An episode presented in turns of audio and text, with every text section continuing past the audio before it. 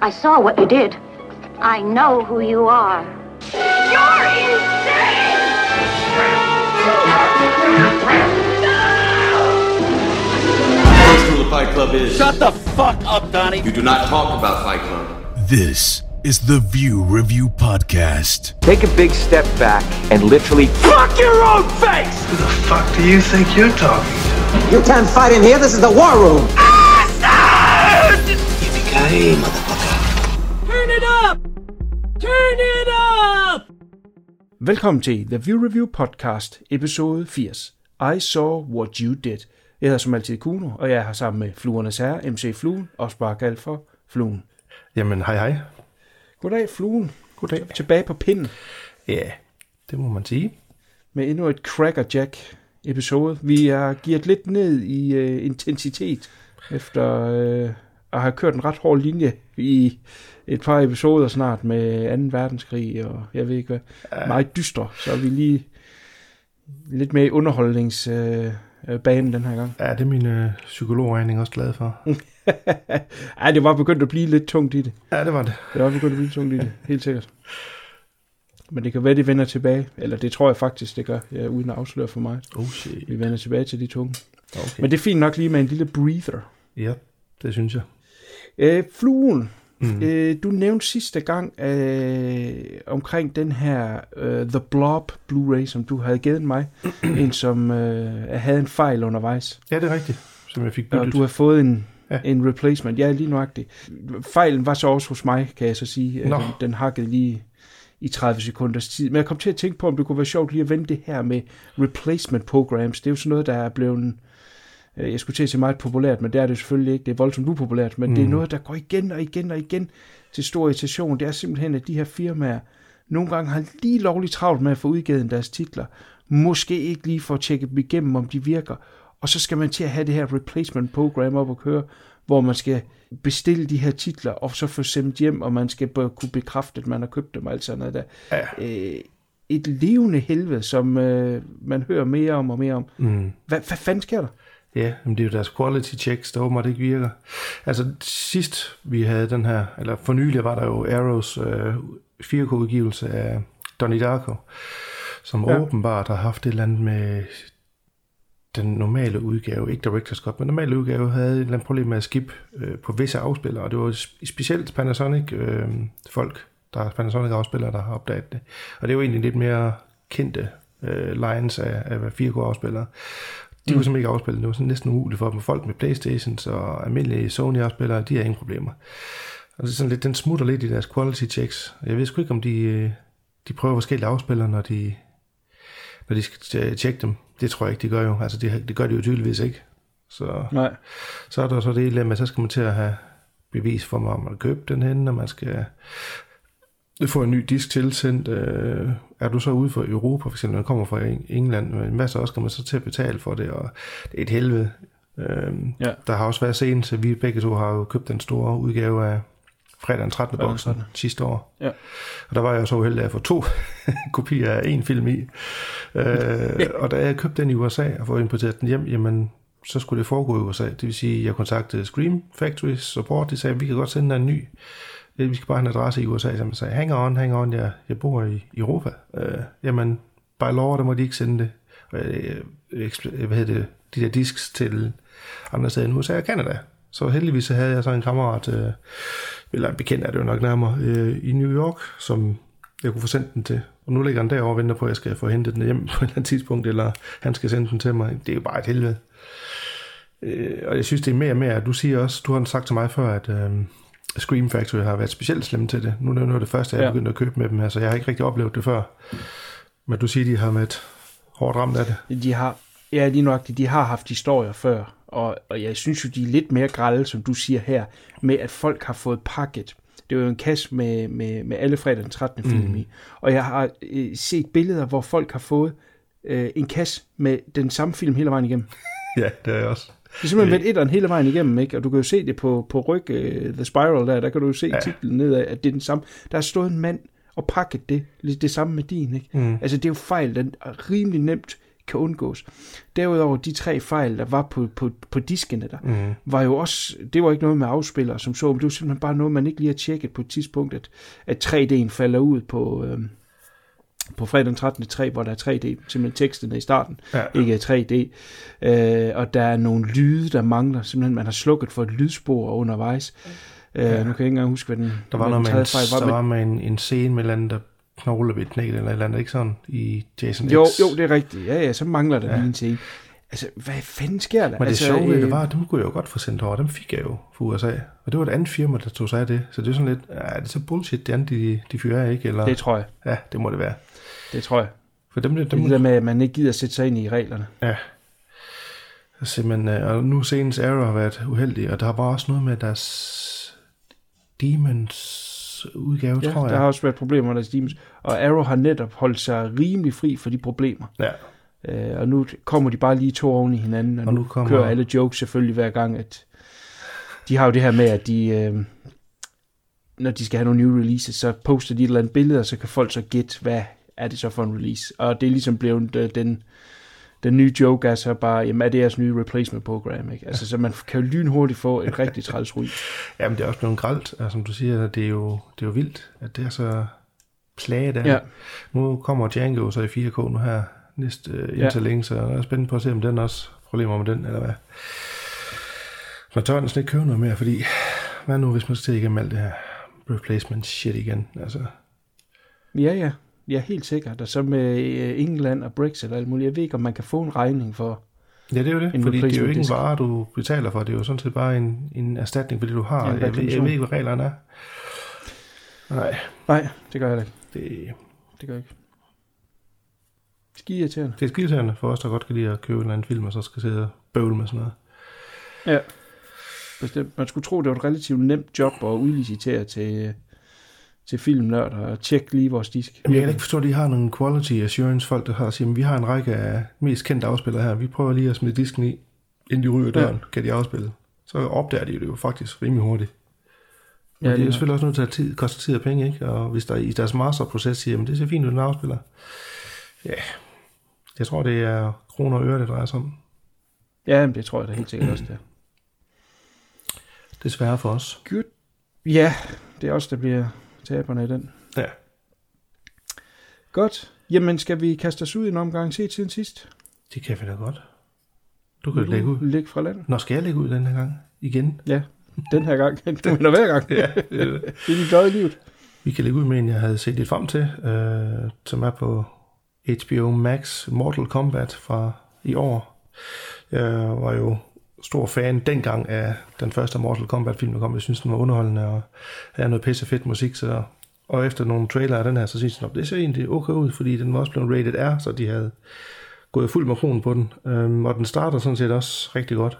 Vi følger den her MMA-fighter, som øh, hedder Cole, som ikke er længere har det her i sig. Han er ved at komme ud af gamen, han kan ikke rigtig vinde nogle kampe. Og så han bliver han inddraget i sådan en, en jagt af en masse håndlanger, der gerne vil slår ham ihjel. Og uden at vide det, så har han en, en, en skjult legacy, som han så skal fulfill på en eller anden måde. Øhm, som jeg siger, den starter rigtig fedt. Man ser oprindelsen af Sub-Zero og Scorpio.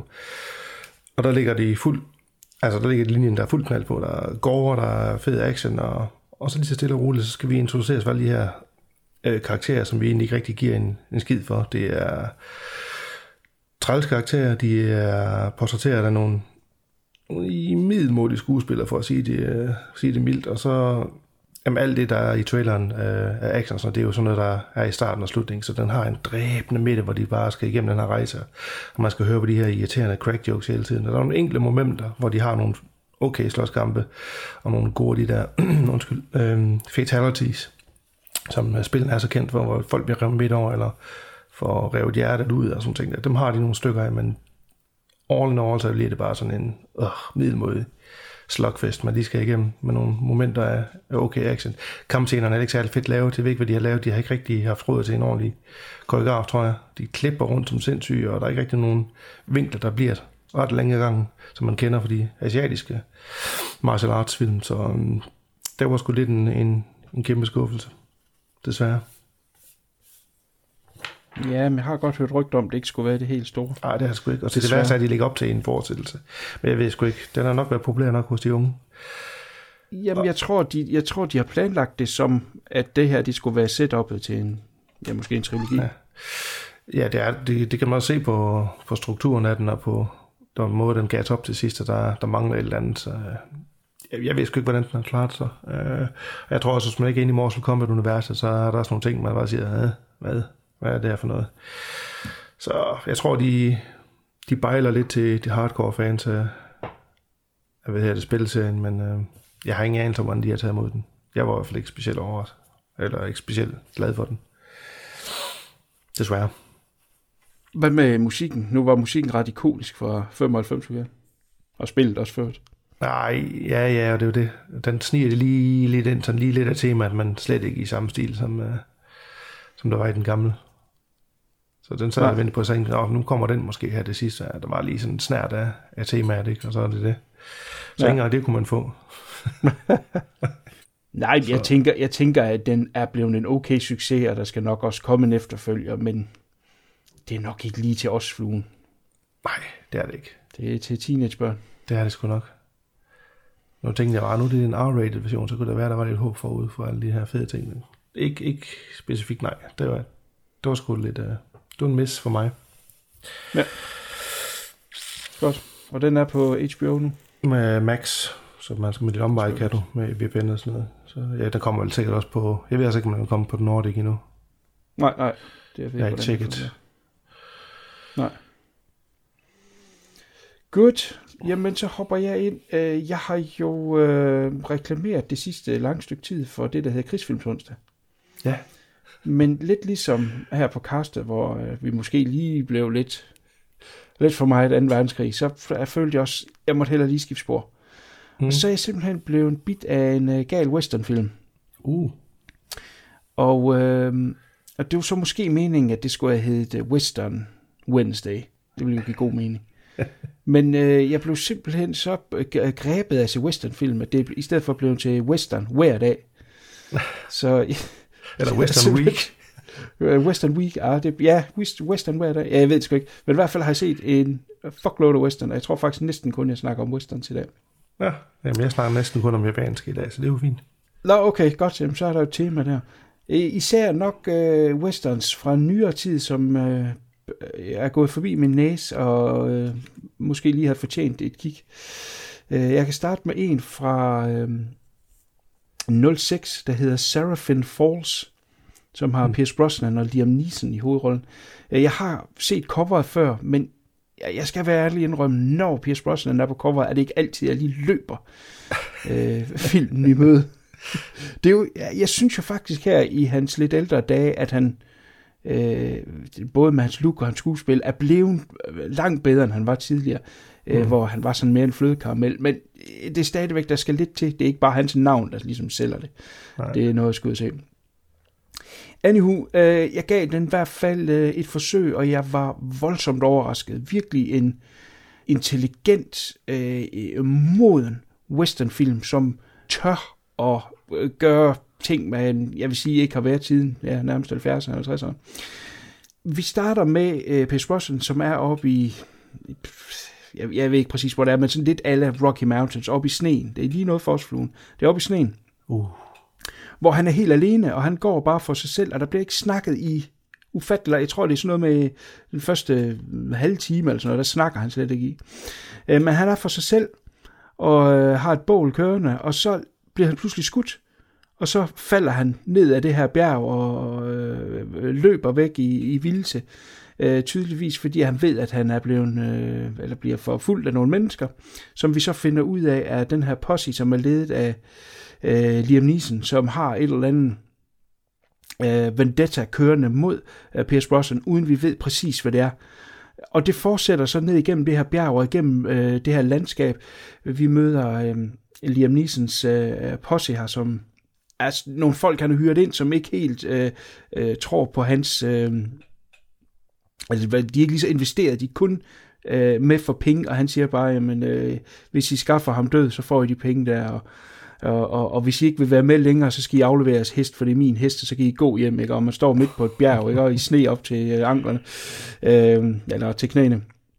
Så de er ligesom tvunget til at følge ham. Øh, og der er også på et tidspunkt en, der, der så siger, at jeg vil ikke mere, og så, øh, øh, så skyder han ham simpelthen, fordi at han ikke vil være med. Så vi har lidt på fornemmelsen, at øh, Liam Neeson han er ekstrem øh, hævngærig. Og så samtidig så følger vi så Pierce Brosnan, som kommer ned fra det her bjerg og kommer, øh, øh, han er jo såret og, og øh, kommer hen til det her hus, hvor de så lapper ham sammen, og han, han køber en hest, han har åbenbart penge. Han opfører sig egentlig relativt øh, pænt, så vi har sådan lidt svært ved at tro, at han skulle være det her monster, som Liam Neeson ligger op til. Og det er det, der er lidt spændende ved filmen, det er, at vi igennem øh, øh, øh films spilletid ligesom øh, lærer øh, hvem der er den gode og den onde, og så switcher det egentlig også undervejs indtil det til sidst mere eller mindre aligner, at de er, øh, hvad skal man sige, hinandens lige. Øh, der er ikke en, der er bedre end den anden. Og så får vi selvfølgelig at vide, hvad var det, der startede hele den her øh, jagt og det her øh, hævntok, som Liam Neeson er på, som øh, ultimativt bare er en tragisk hæv, øh, hændelse. Så, så det synes jeg er super fedt, og det er nogle skide gode skuespillere. Den er pisse fedt skudt. Uh, det er en debutfilm fra en mand, der hedder David von Orken, og han har ikke lavet en film siden, og det er jo vanvittigt synd, ikke? Og det er en, at komme med sådan en debutfilm og tør for eksempel at have en hovedrolleindhaver, som ikke snakker den første uh, halve time, synes jeg er ret imponerende. Mm. Virkelig stylistisk og flot.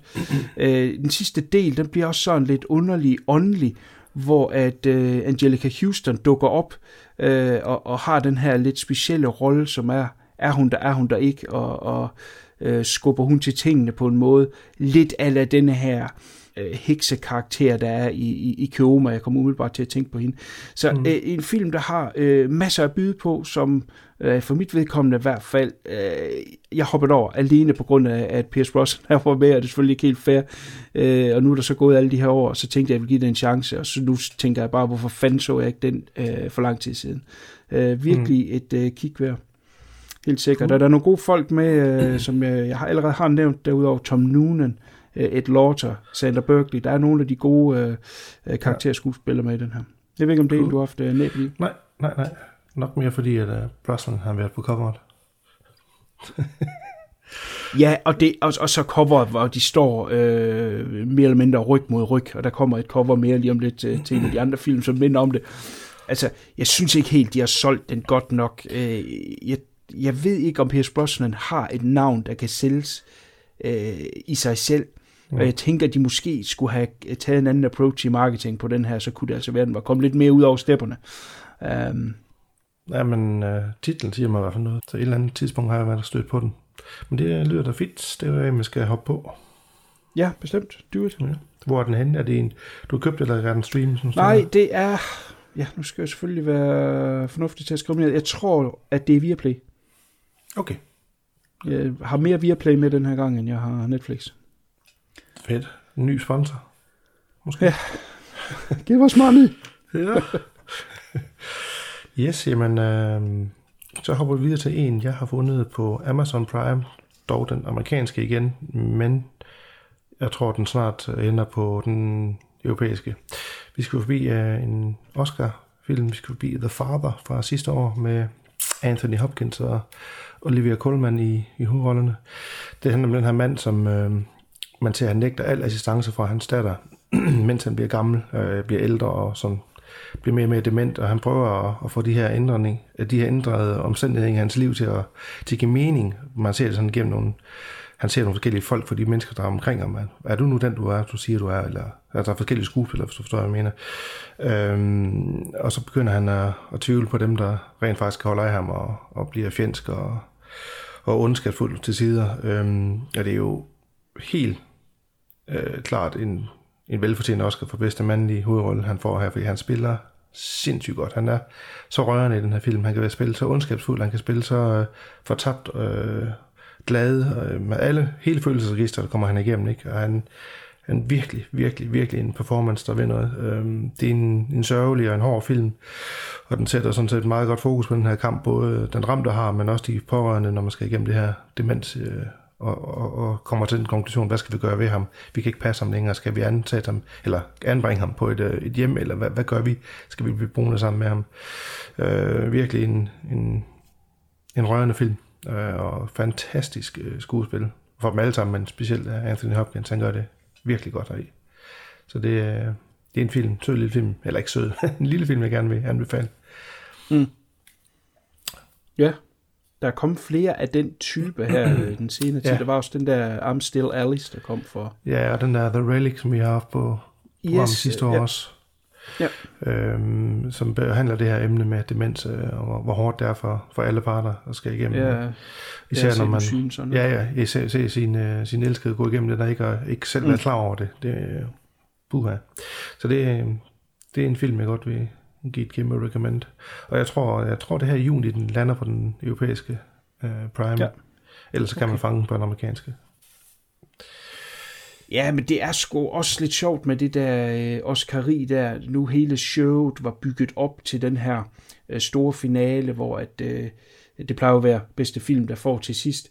Men den her gang havde de gjort sådan, at det skulle være bedste mandlige skuespiller, så skulle det ligesom krones med, at øh, Chadwick Boseman skulle have den her Oscar efter hans død, fordi at han er meget øh, vældig og populær. Den her film, som han har været med i, og den her præstation, han har lavet, skulle være øh, god og skulle være en, en, en Oscar værdig. Men man havde ligesom aldrig åbnet øjnene for, jamen hov, øh, kunne der være andre? Og, og, og det har ligesom fået den her lidt negative stemning omkring, øh, altså jeg har set steder, hvor der står, at, øh, at han skulle levere Oscar'en tilbage, for han ikke fortjente den. alt muligt. Altså det er sådan helt taget overhånd. Oh shit. Altså, Okay. han har da, han, hvad hedder det, han har da fundet den. Øh, and Square, ligesom alle andre, kunne have vundet ja. den. Øh, arrangøren af show troede bare, at det, det, det var en given, at, øh, at den ville gå til, øh, til Boseman. Øh, Mm. Jeg har ikke set den film, han har været med i, og han er sikkert også dygtig alt det der, men, men, men altså, man skal jo være fortjent til det, mere end bare, at det kunne være en god Hollywood-ending, at han døde, og så kunne han lige få en Oscar. Ja, lidt for det er sukkersødt. Ja, det er sgu lidt, øh, ja, lidt, ikke? Og, Jamen, det er sgu og, lidt usmageligt. Det synes jeg. Altså, Ja, ja. Fair Square, Enig. Oscars har altid været om, har altid været i show om, at den, der fortjener det, ikke? Øh, Ja. skal have den. Ikke Og fordi man er en god skuespiller, og så desværre er død samtidig. Ikke? Det, ej, det, det synes jeg sgu er lidt usmageligt. Han gør det godt heri. Øh, og jeg synes, Ja, ja, Hopkins har jo haft en lang karriere, og, Ja. ja. og med, med store plusser og noget værre lort. Mm. Øh, men han har jo altid været god, og, og at han kan komme i så sen del af hans karriere Ja. ja. tilbage, øh, synes jeg er flot. Ja, Så det er flot. helt sikkert noget, jeg skal næppe i. Yes. Good. Nå, hvad siger du til en western? Gud, er det Western Week?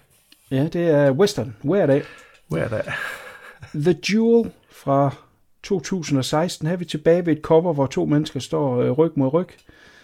Øh, Woody Harrelson og Liam Hemsworth. Nå, Øh, og jeg ved, at du er øh, stor ekspert på Hemsworth-klanen, men han er en af de dårligere Hemsworths. jeg er overhovedet ikke ekspert på dem. nej, nej, det var gas, men, men Ja, det det. Jesus Webs. Øh, jeg kan rigtig godt lide den her film, faktisk. Men, men lidt punkteret af, af den her Hemsworth. Man, han har looket. Helt sikkert. Og, og, og, og hvis det bare er stille billeder fra film, så vil du sige, wow, han har virkelig det der look, og, og han har nogle øjne, der sådan, uh, kan være fængende, altså når der er med skuespil, det halter i en stor del af, af filmen fra hans side af. Woody Harrelson er selvfølgelig uh, i total topform. Mm. Men anywho, den uh, handler om den her Texas Ranger, spillet af Liam Hemsworth, som bliver udsendt af guvernøren i den her stat, fordi man har fundet en masse lig i en flod, og øh, man har så øh, regnet sig frem til, hvor øh, de bliver smidt i, og det er fra den her lille by, der hedder Helena, som er sådan et community opstået omkring den her øh, mand, som sådan øh, selvudnævnt prædiker, øh, ikke øh, decideret kristendom, men, men et eller andet form for øh, higher being, hvor han sætter sig selv som en eller anden form for frelser. Det er meget noget med slanger og sådan noget. Øh, og det er så Woody Harrelson, der spiller den her karakter. Og så går øh, Hemsworth og går så undercover sammen med øh, hans kone, hun insisterer på at tage med, øh, som en øh, rejsende, der tilfældigvis kommer igennem den her by. De bliver så hurtigt indlemmet, og Woody Harrelson vil ikke rigtig lade dem rejse, og, og, og tænker, okay, hvis jeg nu siger, at vi mangler en sheriff, så kan du blive sheriff i den her by, og så kan du blive på den baggrund. Hans hele øh, bagtanker med det her, det er, at han gerne vil have øh, konen lukket fra øh, Hemsworth. Imens så prøver han så at finde ud af, hvad er det, der er med det her. Det er en by, der er meget tæt på øh, Mexico, men der er ingen øh, meksikaner overhovedet i nærheden. Der er faktisk kun hvide, der er ikke nogen øh, hverken indianer eller noget som helst, der er kun hvide, og det viser sig så, at der er et eller andet med øh, at fange øh, meksikanere, og så øh, simpelthen øh, kan rige mennesker komme og betale, og så jagte dem og skyde dem. En lidt sjov film, nu den fra 2016, men det er sådan lidt en sjov film op mod øh, Trump. Jeg kunne simpelthen ikke lade være med at tænke med det der øh, med muren og, og øh, Ja. vi, vi kan ikke uh, fordrage de der uh, beskidte meksikanere der, ikke? og så udrydde dem. Der er altså lige lidt, men den er måske, for 2016 er måske lige tidlig nok til, til, til det budskab der. Men, men uh, den har lidt af det. Det kan da være, at Trump har set filmen. ja, det kan også godt være. så, så det er sådan set lige uh, the gist of it. Uh, den første halvdel, inden at han sådan rigtig kommer ud i, i, i byen der, og, og han er blevet sheriff, den er sgu lidt tung i det. Den er øh, sindssygt ringklippet, især i starten. Øh, den er pænt nok fotograferet, men det er som om, de ikke har fået alle indstillinger med, og så har man prøvet at klippe øh, sig ud af det så godt som muligt, og det virker altså virkelig amatøragtigt, altså sådan at selv folk, der ikke rigtig ved noget om klipning, øh, vil det springe i øjnene. Og jeg havde lidt svært ved at komme igennem den første halve time, fordi altså, øh, nu har jeg selv arbejdet som klipper, og det kan, det kan sådan springe i øjnene, sådan at det, det næsten er utåligt at se, og jeg begynder at tænke mere på, hvordan kan det her lade sig gøre, og hvorfor helvede har de gjort det, mere end jeg egentlig lige var med i historien. Men det svinder lidt ud, jo øh, længere vi kommer ind i filmen, og det ved jeg ikke, hvordan det kan være, om det måske er skudt den i omvendt rækkefølge, og den sidste del af det er det sidste, de har skudt, og der ikke har været tid, altså noget der. Men der er simpelthen en ABC til, hvordan man klipper en vis scene, ikke? og man har et totalt skud, hvor vi ligesom etablerer scenen, og så går vi ind til dem, der snakker i tættere beskæringer. Og der kan det simpelthen være, at der er nogle personer, der slet ikke er øh, skudt i en nær, så man kører totalt billedet nær af ham, der lytter, totalt skud, ham der lytter, og ham der står og snakker, ham ser vi bare nærmest for ryggen af. Øh, og det er især i scenen i starten, hvor guvernøren sender ham afsted, spillet af William Sadler. Øh, vi ser ikke et nærbillede af hans hoved, og man har William Sadler med i filmen. Hvad fanden sker der? det, det, det er sådan helt totalt amatør. Ja, han har da set filmen bagefter og tænkt, hvad fanden? Har jeg lige glemt, øh, har jeg glemt at skyde mig? Hvad sker der? Altså, det er sådan helt... Det er meget amatøragtigt i starten. Men det bliver ja. altså lidt bedre senere ind, og som sagt, den er egentlig okay øh, skudt.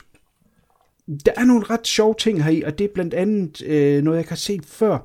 Det er, at øh, når de skal duellere i den her by, så hedder det øh, Helena Duel. Det er opkaldt efter byen. Det man gør, det er, at man binder, øh, det, man tager, hvad hedder sådan et brandmandsgreb, ikke, hvor man tager fat i underarmen på hinanden. Så bliver man øh, bundet sammen der, og så får man en kniv i hånden.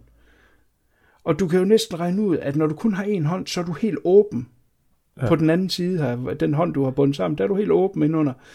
Øh, og det er sådan en helt skør måde, så de slagter jo hinanden i de der dueller der, øh, og det er det så også film her, The Duel, for uden selvfølgelig, vi har de her to personer op mod hinanden. Øh, den har sådan lidt af Apocalypse Now, uden overhovedet at sammenligne et storhed af film, ikke? men det her med, at man sender en mand ind i unknown territory, for at gå lidt undercover, og så er det den her øh, øh, mand, der har forhøjet sig selv lidt til lidt guddommeligt, og han har det her community omkring sig. Det kan man ikke lade være med at tænke på, om, om de har lænt sig lidt op mm. af den uh, Hearts of Darkness-agtig. Uh, uh, uden at det på nogen måde kommer op i det niveau der. Men den sidste halvdel, hvor uh, det hele ligesom eksploderer, uh, og Woody Harrelson finder ud af, hvad fanden det er, uh, Liam Neeson er der for, ikke Liam Neeson, det er Liam Hemsworth, han er der for, ja, han er bare ved Liam Neeson. Uh, og Liam Neeson, nu siger jeg det igen, goddammit, Liam Hemsworth ligesom kan træde i karakter som en hardcore uh, Texas Ranger, så er det som om, at uh, han kan lidt mere. Uh, det er hans skuespil halter, når han skal forestille at være den her kærlige mand, og så er der ikke rigtig noget for ham at rive i, men når han skal være sammenbit og, og, og være actionagtig og banke folk og skyde folk, så kan han lidt mere. Så den sidste halvdel, den øh, ender på et high, og så endte jeg egentlig faktisk med bagefter at synes, at det var en ret cool film øh, selvom at den første halve time var ret hård at komme igennem. Mm. Så jeg ender nok på et recommend af, okay. af en lidt anderledes westernfilm. Øh, bestemt værd at se, og den er også på Viaplay. Cool. Nå. Ja, du er da godt nok gået i western mode. Hvad skal du da have? Der var en teenager smækfyldt af hormoner, og, og så de her plakater til Ilse-filmen, dengang jeg var helt spæd næsten, øh, hvor jeg interesserede mig for film. Der, øh, der var det jo noget, man, noget det forbudte, man ikke måtte se, og uh, jeg kan vide, om jeg nogensinde kommer til at se de her film. Øh, og det gjorde jeg så også med tiden, ikke? men øh, så vil jeg jo lige vende tilbage, fordi jeg så, øh, jeg fandt faktisk tilbud, at jeg kunne få på DVD øh, trilogien for, for ingen penge, altså Ilse-filmene, og en, den fjerde, nu kan jeg så ikke lige huske, hvad den hedder, for jeg har dem ikke liggende ved siden af, som en stand-alone disk, så det er sådan noget med 150 kroner for de fire film, så tænker jeg, ved du jeg vil skulle se dem igen, så jeg, øh, jeg kaster mig ud i det. Så jeg har fået set den første, uh, Ilse, Seawolf of the SS fra 1975. Øhm, ja, jamen altså, det er jo stadigvæk en underholdende film. Jeg troede jeg ikke, jeg ville se dem igennem alle sammen, men jeg skal da helt klart forbi de andre også. Øh, Ilsa er den her leder af, på den her nazi-dødslejr, hvor der øhm, udføres de her grumme eksperimenter på fanger, specielt i kvindelige fanger, fordi hun har en teori om, at, øh, at kvinder de kan modstå mere lidelse og smerte, end mænd kan, og derfor så, øh, så har de også deres plads øh, på frontlinjen sammen med mænd, og det er jo det, hun er hendes sideprojekt øh, på den her camp. Udover det er sådan en dødscamp, så har hun det her projekt kørende for sig selv. Øhm, jamen, den er jo stadigvæk øh, ultra, ultra sleazy og voldelig, mere end jeg rent faktisk husker det, øh, for dengang jeg har set dem sidst for mange, mange år siden. Og der er faktisk en lille historie gennem i den her i hvert fald. Øh, øh, jeg, jeg synes faktisk stadigvæk, den holder. Altså, den er underholdende, og og der nogle tilpas klamme ting i, og, og så stadigvæk er der lidt, man kan sidde og grine af. Øh, så jeg skal helt klart igennem de tre andre film også. Øh, og så lige give det review af dem. Jeg har desværre kun nået den første, som sagt. Men øh, det var en glædelig gentag, gentagning, det vil jeg sige. Mm. jeg ved ikke, om du har været forbi dem siden, dengang du så dem sidst. For mange år siden. Nej, øh, men, men, men jeg husker også øh, SS som værende øh, i gåsøjne, hvis man kan sige det, den bedste af dem.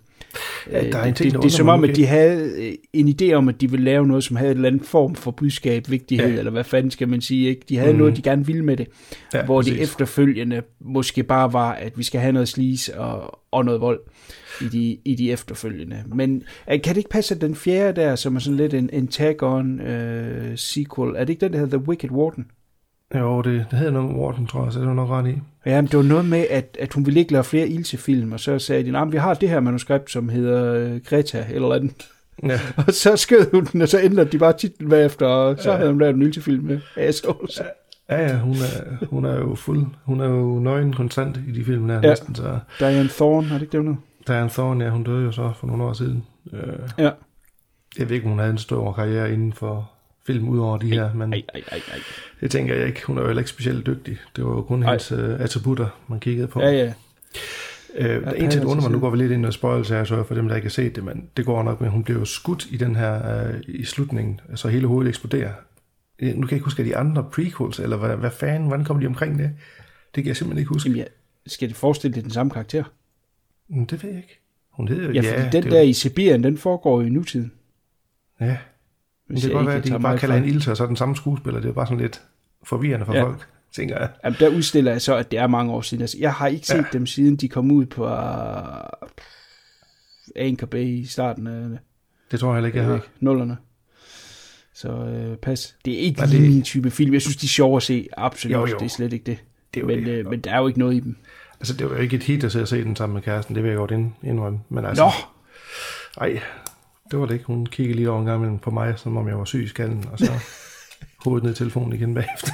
så så ja, ja. jeg skal da, det holder mig da ikke fra, at jeg skal se de andre også. Nej, nu er jeg begyndt det her projekt. Så, ja, det er godt. Ja. Så kan du lave slis i søndag. Ja, slis i søndag. Uh. Jeg fortsætter med western hver dag, fordi nu er ja. vi så godt i gang. Så jeg tager lige en western mere. Det kan være, at vi lige skal tage en shitty western først, og så kan vi slutte af med lidt bedre bagefter. Øh, den her, den har du måske set, eller i hvert fald hørt om. Den hedder Diablo, og har øh. Scott Eastwood i hovedrollen. Clint Eastwoods søn, som har ja. lidt af de samme træk, og det er der så nogen, der har tænkt, hey, skal vi ikke lave en westernfilm, hvor du kan lide din far helt vildt meget?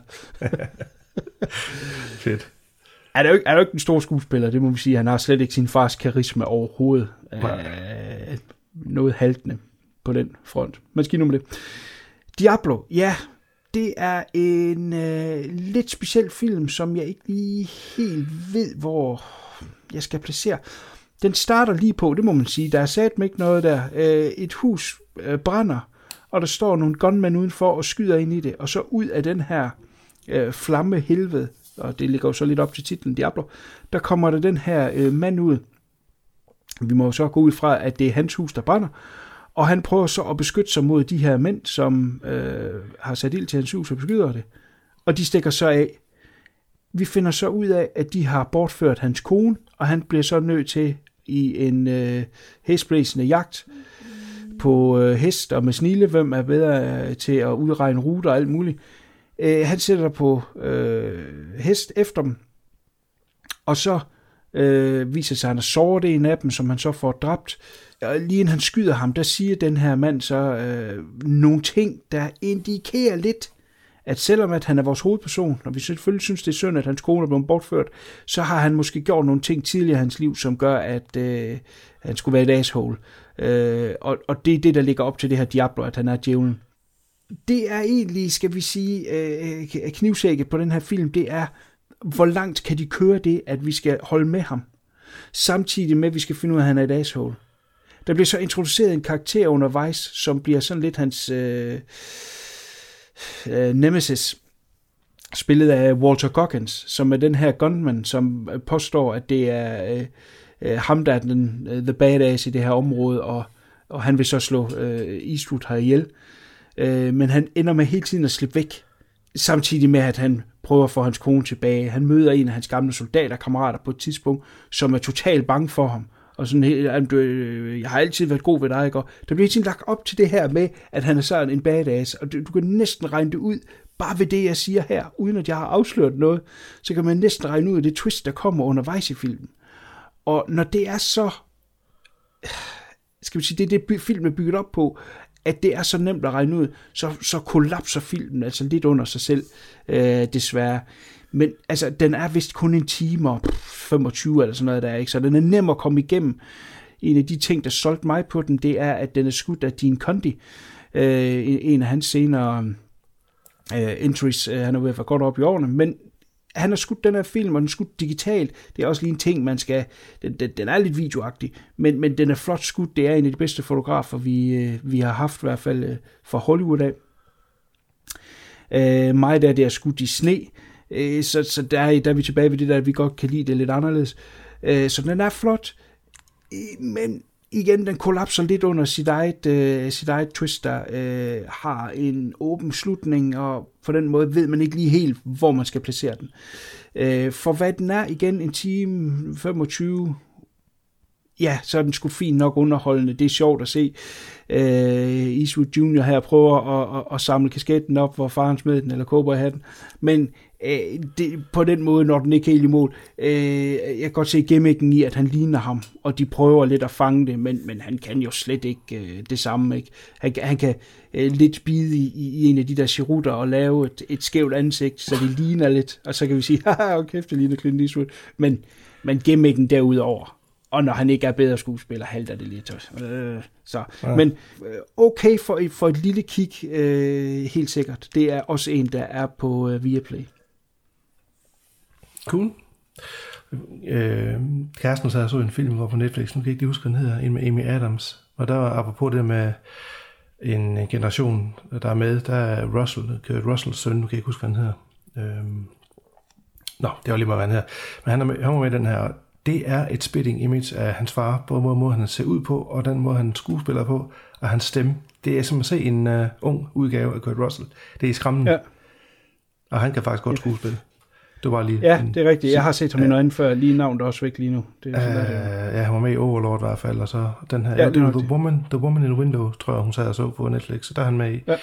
Der tænkte jeg bare, Jesus, hvis de skal lave en, en film med en, en The Thing prequel, ja. så kunne de bruge ham som uh, Kurt Russells karakter. Det var da helt skræmmende, så meget de ligner hinanden.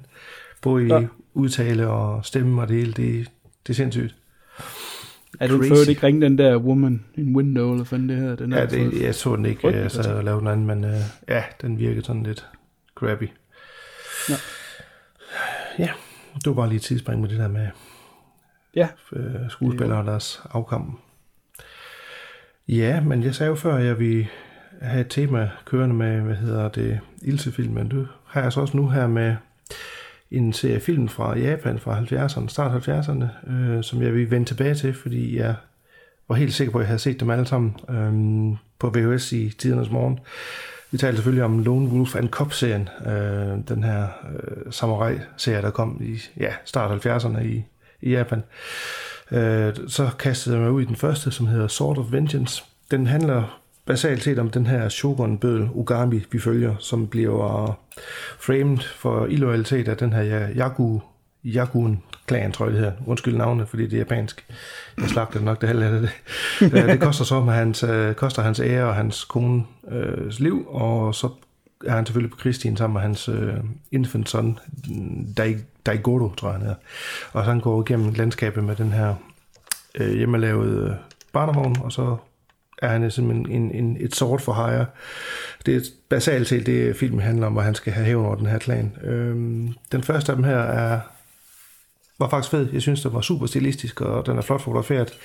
Det er de her nye øh, 2K-restaureringer, øh, så de har korrekt øh, aspect ratio, og de er blevet renset for diverse øh, skrammel, der er på billedet, så de står super flot, øh, og farverne popper, altså den er jo sindssygt blod i de her film. De har mm. det her meget kendetegnende, nærmest lille blod, der man brugte i 70'erne. Øh, øh, en ting dog er, at alle detaljer kommer frem i billedet. Undskyld. Og det gør sig ikke altid så godt i sådan high def, fordi meget af det her makeup de bruger, der er skallepander, der er klistret på, hårdt ja. og bakkenbart og sådan noget, det bliver ekstremt tydeligt, de her syninger og lim, der sidder. Man, man ser det hele tiden, ja. når der er nærbilleder. Og det bare sådan lidt, ah, havde det været bedre, hvis den ikke var blevet restaureret der oppe i en, i en høj opløsning. Ikke? Men man lærer hurtigt at se igennem fingrene med det, fordi det er jo bare en del af, af, af make-up, og det, det er sikkert det samme, når vi får Django ind ad døren i 4K, så ser vi endnu flere detaljer, som man kan se ja, ja. Øhm, virkelig, øh, virkelig lækker skud, og, og den første film her, synes jeg faktisk er rigtig fed. Øh, ikke så meget musik, og det er mere lyden af, når han slagter folk, og koldt blodet, og så går videre med den her dreng der. Øhm, så det var et, et hyggeligt gensyn. Det, jeg, jeg, jeg sagde til dig før, at uh, jeg var sikker på, at jeg havde set dem alle sammen, men det viser sig så rent faktisk, nu har jeg jo så godt afsløret, at jeg har set nogle stykker af dem, jeg har ikke fået set dem alle seks endnu. Men det viser sig rent faktisk, at der kom et klip af de to første klippet sammen øh, til det europæiske, eller var det engelske marked. Jeg tror, den hed Shogun Assassin. Nu er det selvfølgelig dumt, jeg ikke lige har... Jeg mener, det er det amerikanske. Hvad siger du? Det var, det, det var, jeg mener, det var amerikanske marked. Ja, amerikansk marked, ja, øh, hvor ja. den er engelsk dobbelt, og øh, det er så de to første film, Sword of Vengeance, og så Baby Card at The River Styx, der er klippet sammen til én film. Og jeg tror faktisk, det er den, jeg har set øh, i tidens mm. morgen på et eller andet crappy VHS, der, fordi da jeg kom længere hen i serien, så ja, okay, dem har jeg nok ikke set alligevel. Så, så det er sådan lidt glædelig overraskelse. Men øh, ja, jeg kommer til de andre senere hen i, i castet her. Men det er den første, den var, jeg synes, den var super fed. Uh, rigtig stilistisk, og man kan godt se, hvor Tarantino, ham vi elsker at, at køre had på, ja. har fået sine inspirationer fra nogle af hans, uh, de her to, uh, hvad hedder de, Kill Bill film. Uh, dem her, og så de der Lady Snowblood film, som også kom i 70'erne, er han jo ja. 20 stjålet mange af tingene fra. Helt tydeligt det er jo, det er jo klart for enhver, der ser de her film, at der har lige haft snablen i. Ja. Men den første, den er, den er super fed, uh, Sword of Vengeance. Den kan jeg klart anbefale. Awesome. Og, og uh, nu skal jeg lige, de er jo, uh, så vidt jeg kan se, de første fire, jeg har med her på de er jo alle sammen fra 72, så de må være skudt lige i røven af hinanden. Ja, de, altså, de har De har haft travlt, og det kan man også se, fordi mange af de steder, de går, og, og, og naturen og sådan noget, det er lidt det samme, de bruger. ja. Okay. Ja. Spændende. Og det var på Blu-ray. Og det var ikke noget streaming. Nej, godt. Øh, jeg tænker måske lige at tage en westernfilm. Nå, ja, det var spændende, at vi ikke har haft noget af. Nej, det var lige til afveksling. Ja. The Keeping Room, som er en lidt anderledes western end det, jeg nævnte før, som mere var The Wild West, ikke? Med, med cowboys, der jagter hinanden og, og gunslingers og alt muligt. Her der følger vi tre kvinder, som øh, bor sammen i øh, The Deep South i slutningen af øh, borgerkrigen. Øh, nord øh, herren, øh, den nærmer sig. Altså det, man kan simpelthen se i horisonten, der kan man se øh, røg og, og, og, og flammer fra det fremmarsch, de har, mens de knuser øh, Sydstads herren. Og de her tre kvinder er så to hvide, og det er så dem, der ligesom ejer den her... Ja, det, er sådan, det, det er et fint hus, men det er ikke sådan en plantagehus. Det er, det er, sådan et, det er bygget i træ, men det er meget pænt, meget fint hus. Og man har lidt på fornemmelsen, at de har været øh, af en vis status inden krigen. Øh, og deres far og bror har været soldater, og er øh, højst sandsynligt dræbt under krigen. De har i hvert fald ikke øh, set eller hørt fra dem meget længe. Og så har de så deres, øh, og jeg øh, undskylder, deres havsnikker, som så øh, også er en kvinde, men ligesom er blevet en del af familien, fordi de er lige nu som på et tidspunkt lille søster, hun har lidt svært ved at øh, affinde sig med at lave arbejde, så siger hun, at det kan the nigger do, og så siger storsøsteren så, uh, we are all niggers now. Altså de er simpelthen øh, på samme niveau, og det er simpelthen at øh, ud på alle øh, fire, og så lave, øh, hvad hedder det, øh, Øh, farming work, jeg ved ikke på et tidspunkt, de er ude og, og så nogle ting og alt sådan noget der, og det er simpelthen bare at blive beskidt, og, og selvom at man går i en, i en kjole, som måske engang var fin og meget anset, det er simpelthen bare den, du arbejder i nu. Og de prøver så at den her øh, går kørende og, og få mad og, og holde sig så skjult som muligt. Men da lille søsteren bliver bit af en eller en dyr, jeg kan ikke huske, hvad det er nu, og får en infektion, så bliver storsøsteren øh, nødt til at gå ud og finde noget medicin, og øh, rider så til den øh, nærliggende by, øh, som så er, er halvinvaderet af soldater fra Norden af, som er sådan nogle øh, hvad kalder man sådan reconnaissance. Altså de, selve herren er ikke kommet nu, men der er nogle enkelte, der tager ud for lige at se, hvad er det, der er her. Øh, og det er så nogle rigtige assholes, som er drunk og ret øh, rapey-agtige. Og øh, finder så ud af, åh, oh, der er en pige der, og hun er pretty nice. Og så følger de så efter hende, og så kommer tilbage til det her hus, hvor de er, og så er der så form for, for standoff, hvor de her tre kvinder, de skal forsøge så vidt muligt at, at holde stand mod de her soldater. Øh, jeg synes faktisk, øh, den er ret fed. Jeg fik måske til at lyde en my mere actionagtig, end den er, men den er kørt meget slow, stille og rolig. Øh, meget øh, arthouse-agtig, men, men den er det her, det, det er det æstetiske mere, end det er, skal være western action. Og det synes jeg er cool, og der er nogle ting, som øh, man ofte ser, det er bare, at man tager en pistol, så trykker man på den, og så skyder den. Jamen, hov, kan der være nogle ting omkring, at øh, de aldrig har affyret en pistol, og måske er krudtet gammelt og vådt og ikke virker. Så der er sådan nogle ting, der man normalt ikke lige ser, som, som de tager med ind over den her, den på den måde virker den øh, realistisk. Jeg synes, den er øh, rigtig cool, det er godt øh, skuespil ligesom hovedrolleindhaveren øh, af, af, af de her øh, mandlige øh, soldater er Sam Worthington, som er sådan lidt en skuespiller, som måske ikke altid er god. Uh, han kommer jo lidt fra actionfilm med, med, med, med Terminator og sådan noget, men jeg synes faktisk, at han er okay her i, som den her soldat, der er lidt splittet i, at han måske egentlig er en good guy, men krig har bare gjort ham til det, han er, og, og han vil gerne aspirere til at være noget andet, men han mm. kan ikke agere anderledes, end han ligesom er blevet trænet og har, og har levet de sidste par år. Uh, jeg synes, den er uh, ganske udmærket, og den vil jeg uh, bestemt gerne anbefale. Jeg mener også, det er en uh, Viaplay. Der er jeg lige lidt i tvivl. Men den hedder The Keeping Room, og et uh, bestemt et kigværd. Cool. Det lyder spændende. Yes. Så ikke så western som man vil forvente. Nej, ikke, ikke uh, The Wild West, men mere, Nej. at det er borgerkrig-setting. Yes. Og det er også, uh, det er også altid rart med sådan lidt afveksling, så det kan mm. corporate indianer. Ja. Jamen, øh, jamen, vi fortsætter lige lidt med vores øh, Lone Wolf and Cub. Det er jo så nummer to, Baby Card at the River Styx, som sagt, som jeg nævnte før, også fra 1972.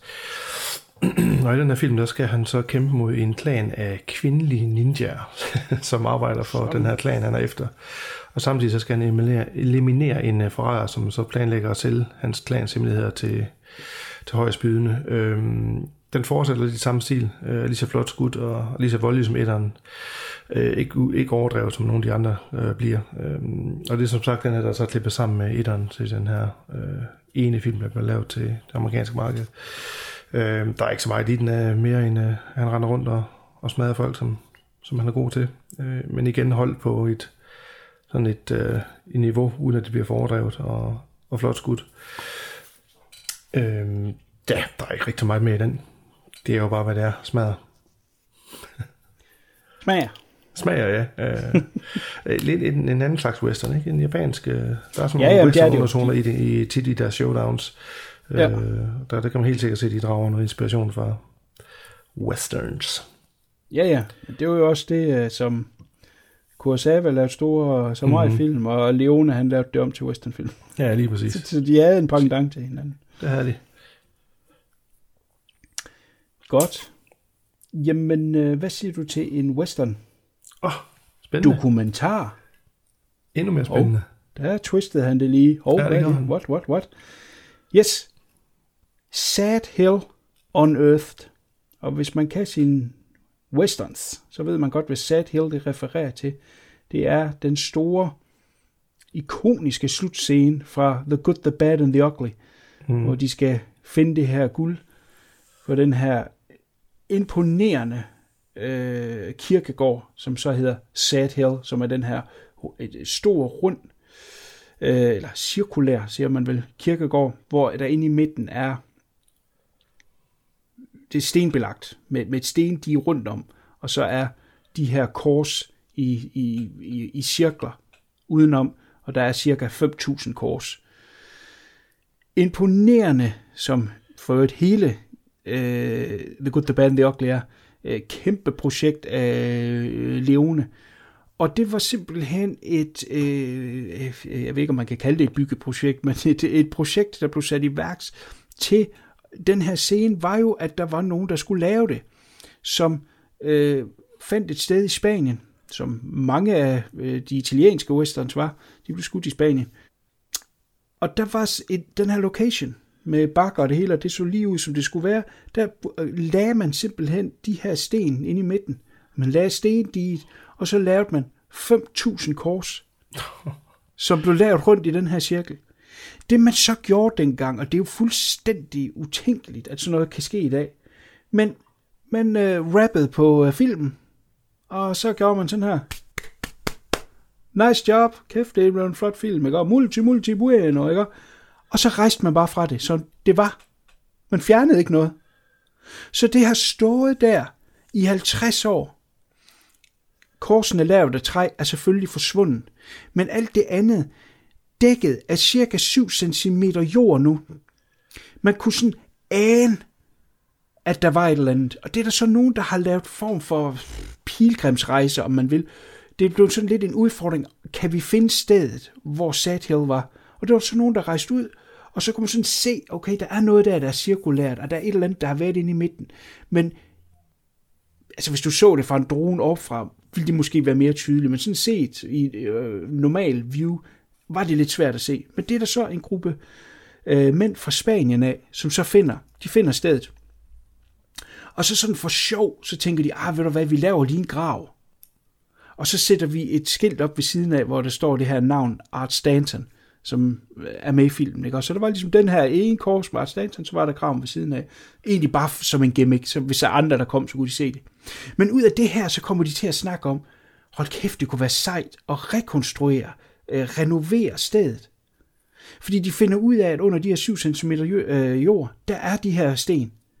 Og så sætter de sig for at hakke det fri, så stenene de er der, så cirklen ind i midten, den er fri. Men da de ligesom har gjort det, så er det sådan lidt, oh, skal vi godt lave stendiget rundt om? Så laver de stendiget. Og da de har gjort det, så er det sådan lidt, at det skulle da åndssvagt ikke. Og prøve at se, om vi kan lave de 5.000 kors.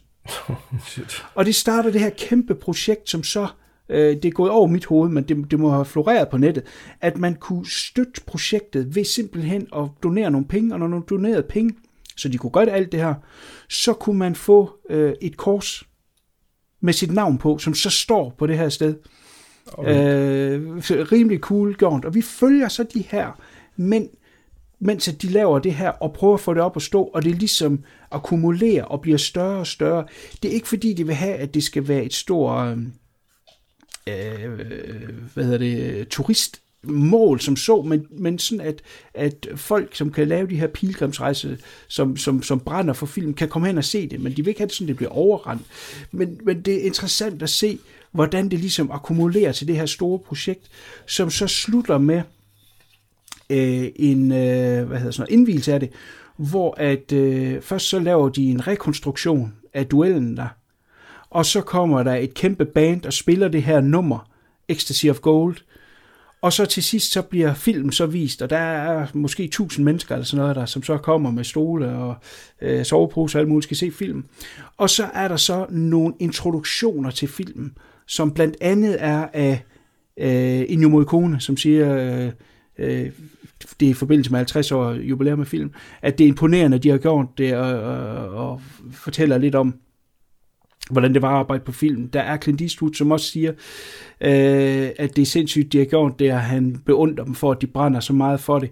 Og så kommer, og det er den helt store anke, som jeg kommer til lige om lidt, øh, James Hetfield fra Metallica, oh. øh, som så skal snakke om det. Øh, hans forhold til det, han synes, det er fedt, de har gjort det. Jeg vender tilbage til det lige om lidt. Men, men det er ligesom det, vi følger den her ark af, at de først finder det, og hvordan de så får det bygget, indtil det er der, og det er et sted i dag, og man kan tage ned og besøge det, øh, hvor det nu står øh, så tæt på, øh, som det gjorde dengang, med 5.000 kort, kors og, og, og stendit ind i midten, altså noget der. Så, så det er rigtig sjovt og spændende at se. Der er lige nogle enkelte minuser, og det ene, det er selvfølgelig det fucking Metallica shit. Den her dokumentar, som handler om Sergio Leones store, store film. Om den her ikoniske scene med det ikoniske musik af Morricone starter med Metallica. God. Og ikke at... Fordi det, de gør, det er, at de starter alle deres koncerter med Ecstasy of Gold, og så viser mm. de klippet derfra, ikke? Som fans. Og det er fint nok, at de gør det, det har intet imod. Men det er, sandt, det, det er fandme ikke det, vi skal starte med. Og det igen, de starter ikke med, at en koncert starter. De starter midt i en koncert. Så det vil sige, det er egentlig bare noget med, hey, prøv at se, vi har lavet noget, hvor Metallica er indover. Så nu kan vi bare vise nogle klip. Og de klip, de fortsætter igennem dokumentaren, hvor man viser nogle klip fra den her koncert. Bare tilfældige ting, som ikke ja. har noget med of Gold at gøre. Og så intercut med nogle klip, øh, eller interviewdele med øh, James Hetfield, som siger, øh, hvad nummeret betyder for ham og sådan noget der. Men ultimativt i sidste ende er jeg fucking ligeglad. Fordi der findes sikkert også en i Honolulu, som også synes, det er et fedt nummer. Og han spiller det måske hver gang, at han skal begynde hans yoga-class. Det er jo ikke interessant. Sorry. Nej. Det er fint, at Metallica bruger det og har brugt det de sidste 30 år. Det kunne have været en enkelt klip, ikke? og han lige siger, det har vi brugt i mange år, og så så man det lige, og så væk. At det skal være ligesom en gennemgående ting, og han er det første fucking fjes, man ser i den her dokumentar. Det synes jeg simpelthen er for latterligt. Det er bare, ja. at vi har kunne få fat i ham, og så skal det boostes. Ja. Uh, derudover er Joe Dante med, som man også skal sige, Joe Dante, hvis jeg skulle have nævnt instruktører, som på en eller anden måde kunne udtale sig omkring Leone, og, eller Morricone for den sags skyld, hvem vil jeg så vælge? Så vil jeg tro, at Joe Dante vil være ret langt nede på listen. Jeg kan ja, super ikke. godt lide Joe Dante, han er pisse hyggelig, har lavet en masse af fede film, men passer han lige ind i den her sammenhæng? Ej, det gør han ikke. Der kunne man for eksempel have taget Alex Cox, som er den her instruktør, der er tit er med, når det er noget med spaghetti western, som ved en masse om det. Skide god fortæller. Hammer man ikke lige med. Det er lidt tilfældigt, hvem de har fået med. Øh, lidt ærgerligt, så der er lidt fedt på kanten af den her dokumentar, men det er sjovt at se det her Passion Project. Der har været andre film tidligere, jeg kan huske, du nævnte en omkring... Øh, DeLorean fra øh, Tilbage til Fremtiden, nogen ligesom ja. finder og restaurerer. Det her, det er sådan lidt i samme vein, at nogle af de øh, nørder er så passionate omkring det her, og så får det op at stå. Ja. Øh, så det er sgu meget sjovt øh, ting. Uh, Sad Hill on Earth. Cool. Og det er en, der kan streames et eller andet sted? Det er en, der kan streames, og så spørger du sikkert også, hvor jeg ja. tænker måske det noget, du selv skal finde ud af. Jeg kan ikke huske det. Via Play okay. eller Netflix. En af de. Okay. En af de tusind streaming-platforme. Ja. Ja. Nå, spændende. Jamen, øh, det er så min næste nok ikke nær så spændende. Det er så nummer tre i serien af Lone Wolf and Cop. Baby Card to Hades. Øh, den er også stadigvæk øh, stadig flot skudt og kører lidt i samme tema med, med det blodige. Men den bevæger sig hen over i nogle, nogle lidt underlige ting og nogle underlige valg, de laver med film. Øh, blandt andet masser af guns lige pludselig. Så er det guns, der er det helt store. Blandt andet har han øh, i, i slutningen øh, i den her barnevogn en knap, man kan trykke på, så kommer der bare ligesom en Gatling gun i Django næsten frem, og man bare kan plukke løs med. Det sådan lidt, ah, nu, nu begynder de at, og lave lidt pis med tingene, øh, og det går desværre igen i firen også. Så den, øh, der, der begynder den sådan lidt at dale i kvalitet, den her serie, synes jeg. Øh, ganske hurtigt så øh, vores hovedperson er, han tilbyder at blive tortureret af en Yakuza-klan for at redde en prostitueret fra deres slør. Og derefter hyrer han så at deres leder til at, at snige med den ond kammerherre. Så det er sådan lidt også historiemæssigt. Så begynder de sådan lidt, ja, hvad kan vi finde på? Ah, Nej, der er en ond mand herovre. Dræb ham for 500 guld, og så, så er vi okay igen. Og der er som sagt masser af guns med i. Øh, der er ikke så meget sourceplay mere, og det bliver sådan lidt mere Se, nu har vi fået våben. Og nu ved jeg ikke, om det er tidskorrekt. Nu ved jeg ikke, hvornår de foregår, de her film. Men der er sådan lidt nogle moderne. Der er seks løber med i, ligesom der er i en western. Altså total western-stil. Og det, det bliver bare en lille smule øh, utroværdigt i min bog. Mm. Desværre. Jamen, jeg har meget lige dig øh, øh, kun set øh, den første, eller den sammenklippede. Hvad var det, den hed? Ja, var det ikke Shogun Assassin, tror jeg? Shogun Assassin, yes, lige nøjagtigt, fra Vipco, sikkert din klippet udgave. Uh, det er det eneste, ja. jeg har set af det. Har du, når du har ikke set de andre, eller? Nej, det, det mener jeg ikke. Okay. Det mener jeg ikke. Det er den omvendte fluen. Jeg mener ikke, jeg har set det, men det kan da godt være, okay. jeg har. Okay. Men jeg, jeg, jeg tror det ikke. Nå, okay. Jamen, så kan du låne dem en gang, og så kan du lave en maraton sammen med konen. Ja, ja der er der nogle gode timer der. Ja, Hvad er spilletiden på de der fuckers der? Jamen, de er heldigvis ikke så lange. Jeg tror, det er omkring en halvanden time. Okay. Sådan forholdsvis nemt at komme igennem. Ja. Okay. Cool. Mm-hmm. Nå, skal vi bevæge os væk fra western og se noget andet? What? Lidt, lidt har jeg haft næbet i, og øh, her vi over en film, du har set den før. Den hedder mm. Boss Level. Ja.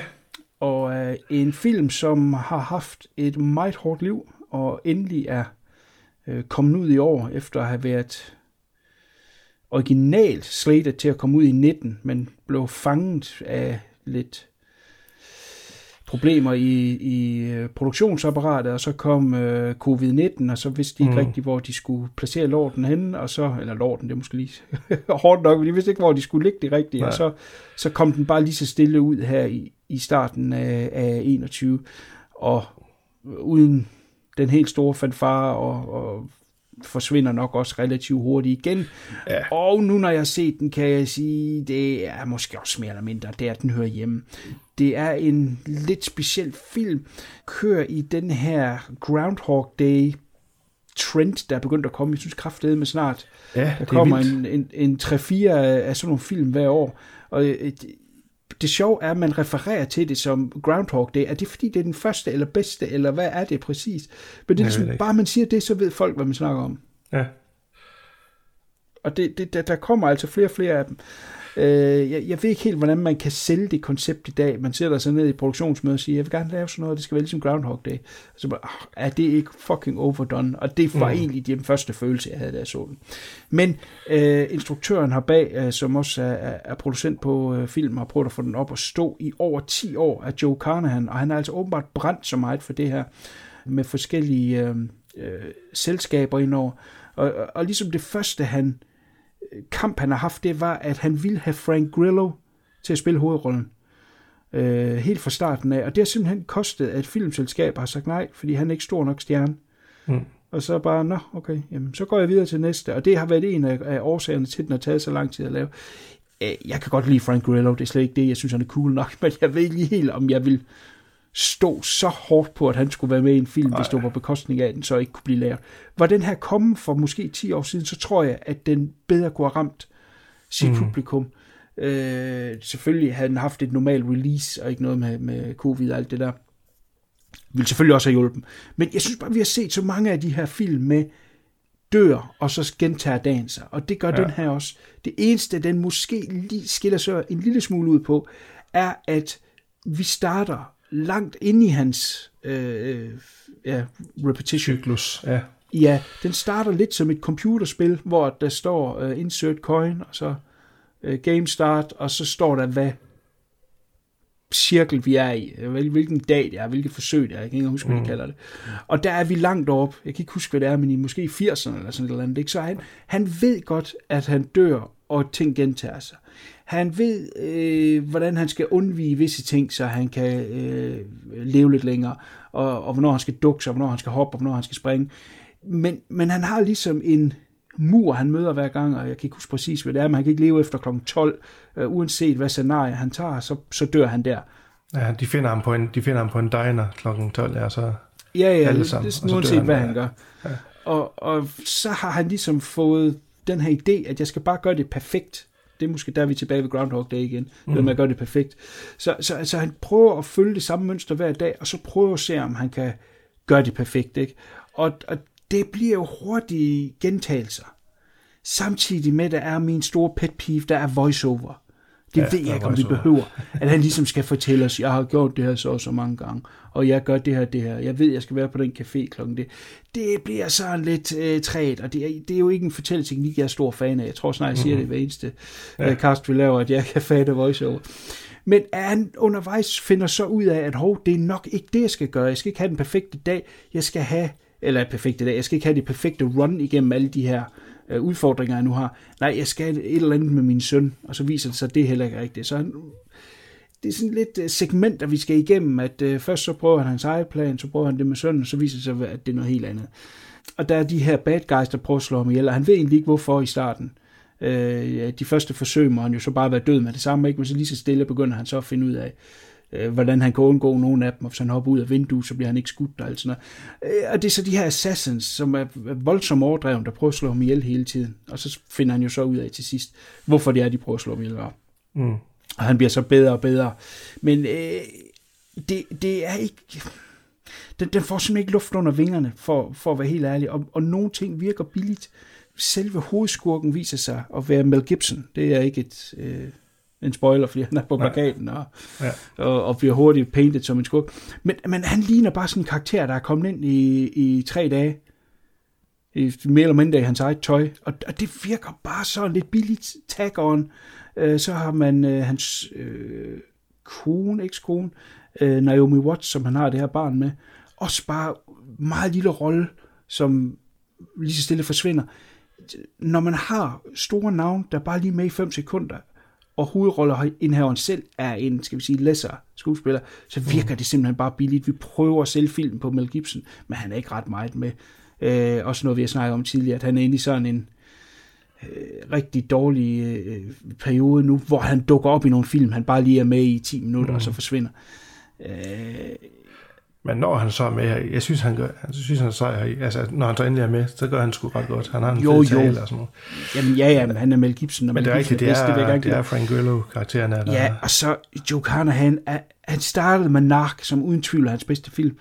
Og så derefter, så er det altså været sådan lidt, øh, ikke, øh, jo jo, A-team er underholdende nok, men måden han laver action på, det, det, det er bare ikke lige mig. Øh, han lavede også den, der hed Smoking Aces, som også var noget med nogle assassins, der kom, Ja. som var helt vildt overdreven, og, og det går igen her. Ikke? Altså, nogen, der bruger harpuner og sådan noget. Ikke? Altså, man fanden bruger harpuner. Det, det er så lidt åndssvagt. Så den, den, den kører sådan på et skørt niveau, men den ligger også lidt op til, at det er et spil. Øh, både ja. I titlen, og, og der er også noget med, at sønnen spiller et eller andet spil, og. Ja. og måden med, at du har ekstra liv. Så måske skal man bare se den, øh, ja, tage det lidt op fra og ned. Men, men, men ultimativt, da jeg så jeg var okay underholdt.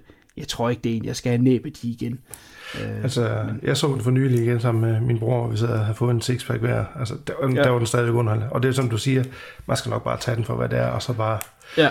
At lade sig underholde. Og Vi har sådan en lille pæn i øret, altså, det var, det var sgu sjovt, at jeg grine af den. Øh, men det er rigtigt, der er nogle, der er nogle enkelte ting, der, der er billigt, blandt andet det her med, at de her A-list skuespillere ikke får så meget screentid, og, og nogle af effekterne også bare, og nogle eksplosioner, man og tænker, uh, oh, det har de ikke lige penge til. Ja. Så der er sådan lidt rough around the edges, men uh, jeg synes sgu, den var stadig underholdt. Også anden gang, jeg så den, det synes jeg, Okay. det var sgu meget sjovt. Men man skal nok også lige være inde i det der, som du siger, ind i det her gaming uh, genre og Ja, ja. jargo, som der er der i. Uh, der skal man lige, lige vide, hvad der er, de har vildt med det, Okay. Jamen, det er, Tænker jeg. er jeg jo slet ikke. tænker jeg. Nej, det er jo det. Ja. Så. Men du var da underholdt. Okay underholdt, kan man sige. Ja. Ja. Ja, det er så en af de der film, der bare står på øh, Bilka-hylden nu til, til 99 kroner. Eller måske billigere. Ja, så den har haft en hård liv at Ja, den. få den ud. Ja. Ja. Jamen, øh, skal vi tage en Netflix-film? Ja, endelig. Nu øh, øh, var jeg jo lige forbi øh, i, i går, nej, hvornår var det? Fredags, der udkom der en ny øh, Zack Snyder-film på, på Netflix, øh, hedder Army After Dead, så nu er han jo tilbage til hans øh, zombie-genre. Jeg, jeg kunne jo godt lide hans remake af ja, Dawn of the Dead, måske som mm. en af de få i verden, men jeg synes faktisk, det var ret underholdende og, og vellykket. Øhm, så jeg så lidt frem til, hvad han kunne lave med frie tøjler og et, et forholdsvis stort budget for Netflix af zombie-genren. Øhm, kort, man ser en øh, militærtransport øh, køre galt af en årsag, og den cargo, de så har med, slipper ud. Det er så, så et øh, umiddelbart eksperiment fra Øh, regeringens side. Øh, en zombie, som så slipper afsted og øh, ender i Vegas, og det forårsager så et kæmpe zombieudbrud i Las Vegas, og de ender med, at de er nødt til at wall hele byen ind med sådan en stor mur af, af hvad hedder det, container rundt omkring, for at, at, at lade det blive i Las Vegas, så ikke kan sprede sig til resten af verden. I et stort pengeskab under The Strip, der ligger der 200 millioner dollars, som en eller anden øh, japansk rigmand gerne vil have fingrene i, og øh, han hyrer så et rag-team af de her, ja, det er vel legemorder og, og så hvad er det, forskellige slags af, af bad guys, øh, ledet af Dave Bautista, de skal så ind og hente de her penge, øh, og det skal så gøres, inden at øh, regeringen de nuker byen. Der er sådan en time der, timer, de skal vist øh, foregå på 4th of July, så er rigtig syg øh, måde at gøre det på. Øh, så nuker de byen, så kan folk så at sige, nej, var det flot fyreri. øhm, og de skal så ind og hente de her penge. Øh, og den har en fantastisk start. Det første kvarter af 20 minutter af filmen er super underholdende og rigtig stilistisk med masser af gårde, altså practical gårde, ikke CGI gårde og øh, tongue-in-cheek øh, musikvalg og sådan nogle ting der. Og så går det altså ned ad bakke. Filmen var 148 minutter, den to og en halv time lang.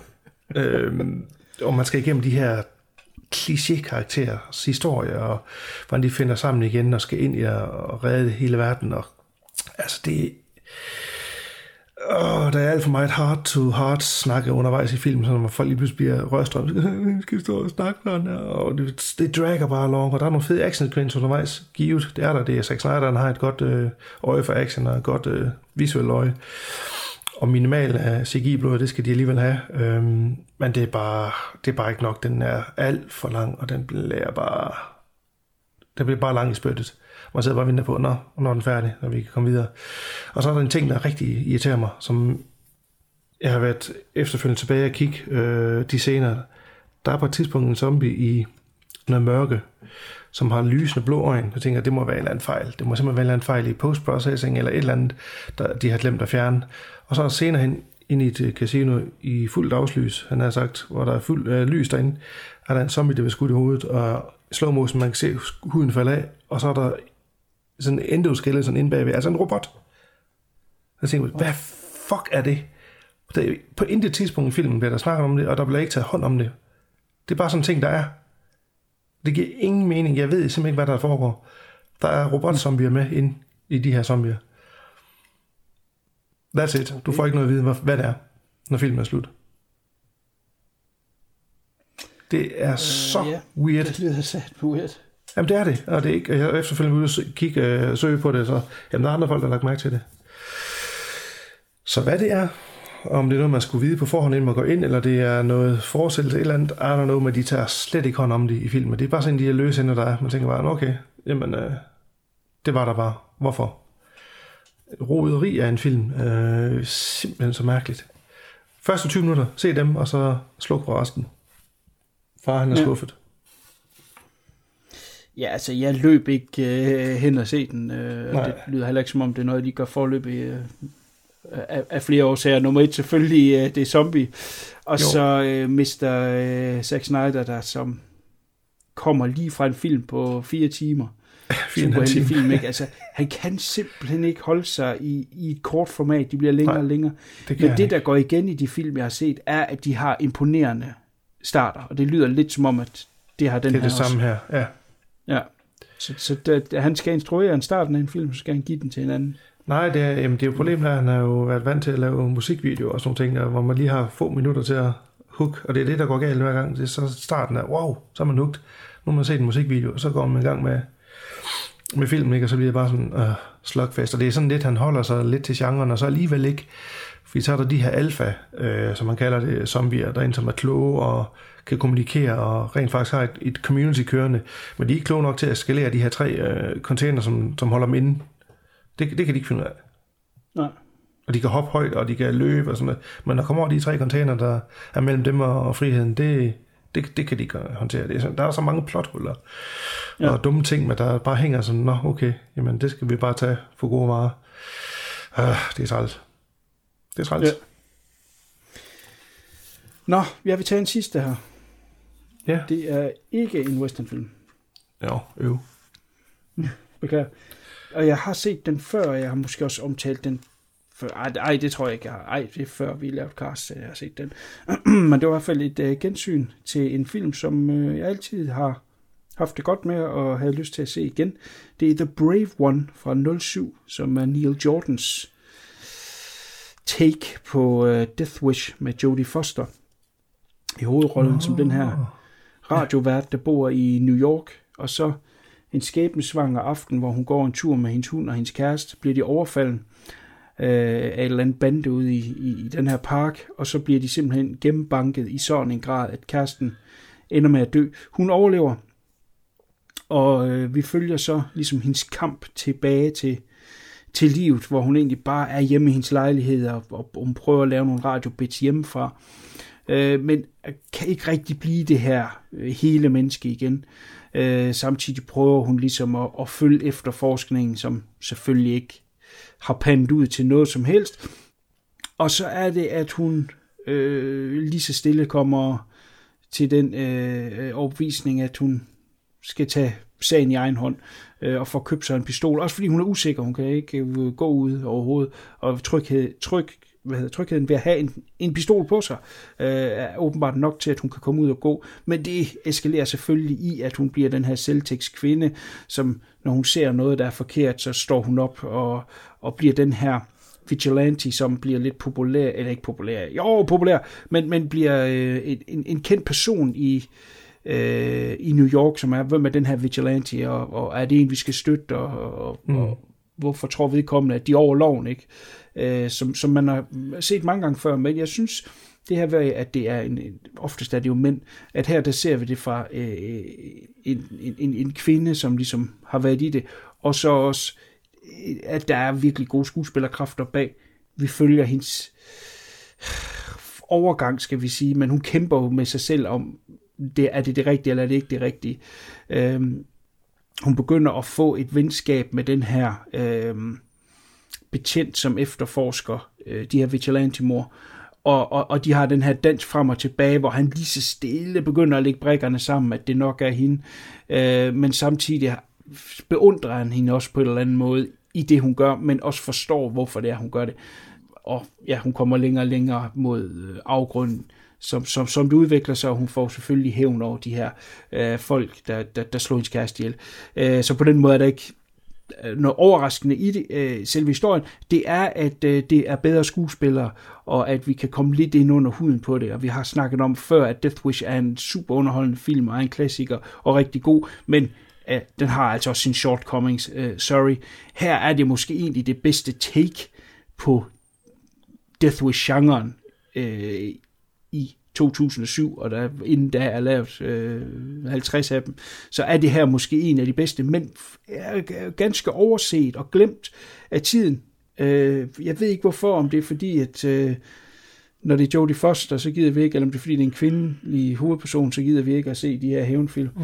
eller hvad det er, men jeg synes virkelig, man skal tage og give den øh, en chance. Det er en super flot film, som det er, når det er Neil Jordan øh, visuelt imponerende, og så øh, den her rejse ned i det her øh, galskab sammen med Jodie Foster, som er i topform, er, er, er virkelig god. Øh, så The Brave One fra 07, den ligger på Tubi, jeg ved ikke om den er andre steder også, men øh, bestemt et øh, kig værd, hvis man ikke har haft næbet i den.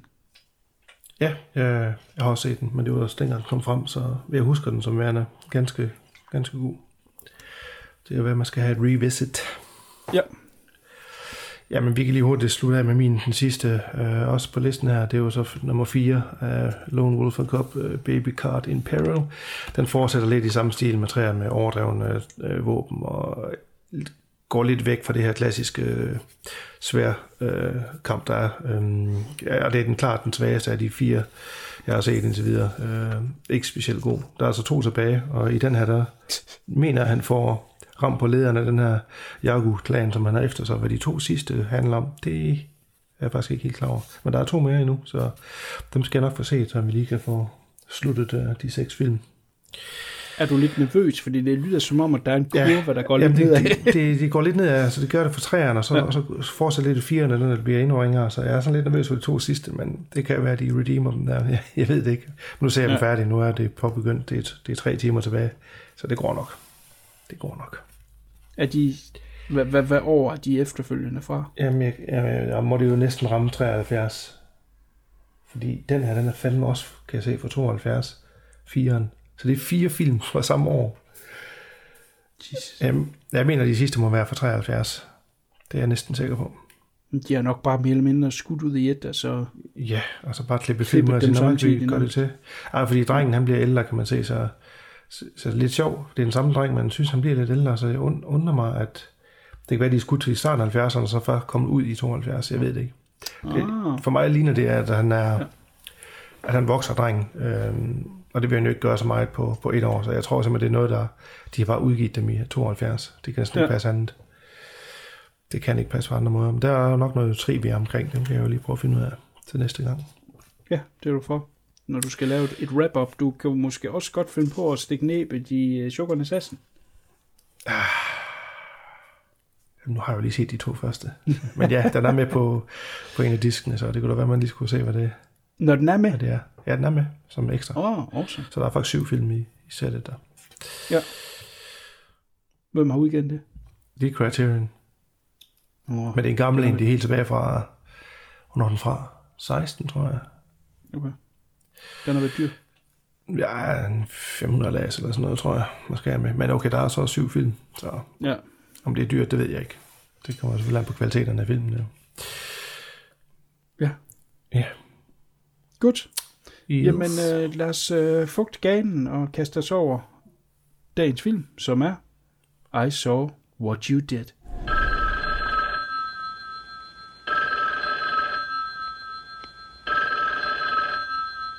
Don't answer it. Don't answer it. Don't answer it. Your name is in this book. It could happen to you. It starts as a game, and there's no end in fright. Go ahead. Close your eyes and pick a name. Pick a name? Any name. I saw what you did, and I know who you are. I saw what you did. I know who you are.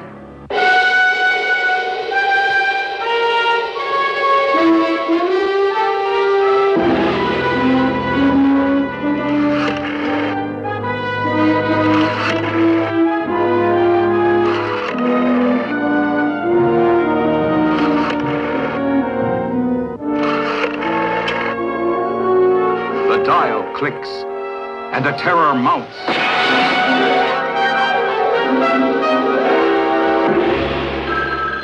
Don't answer it. See it.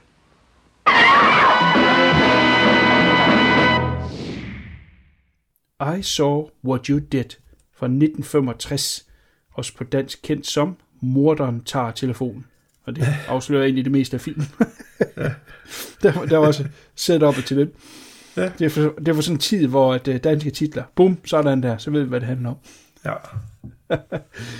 Det er en uh, film instrueret af en mand, der hedder William Castle. Sejt Som vi bliver nødt til at snakke om lidt mere, end, end vi måske ville gøre, hvis det var Joe No Name, der havde lavet den, fordi han er simpelthen sådan en sjov karakter. Uh, og, og, og en, en tid her omkring, hvor han lavede film på en helt speciel måde. Men, hvad fanden handler det om? To teenage piger laver tilfældig telefonfis ind til morderen tager telefonen. Der var ligesom mm. den danske titel øh, vævet ind i det. Det er simpelthen øh, de her to teenage jeg ved ikke helt, skal de forestille hvad, hvad 16 eller sådan et eller andet, selvom skuespilleren Ja, fordi hun må køre bil. Eller hun må køre bil, ikke?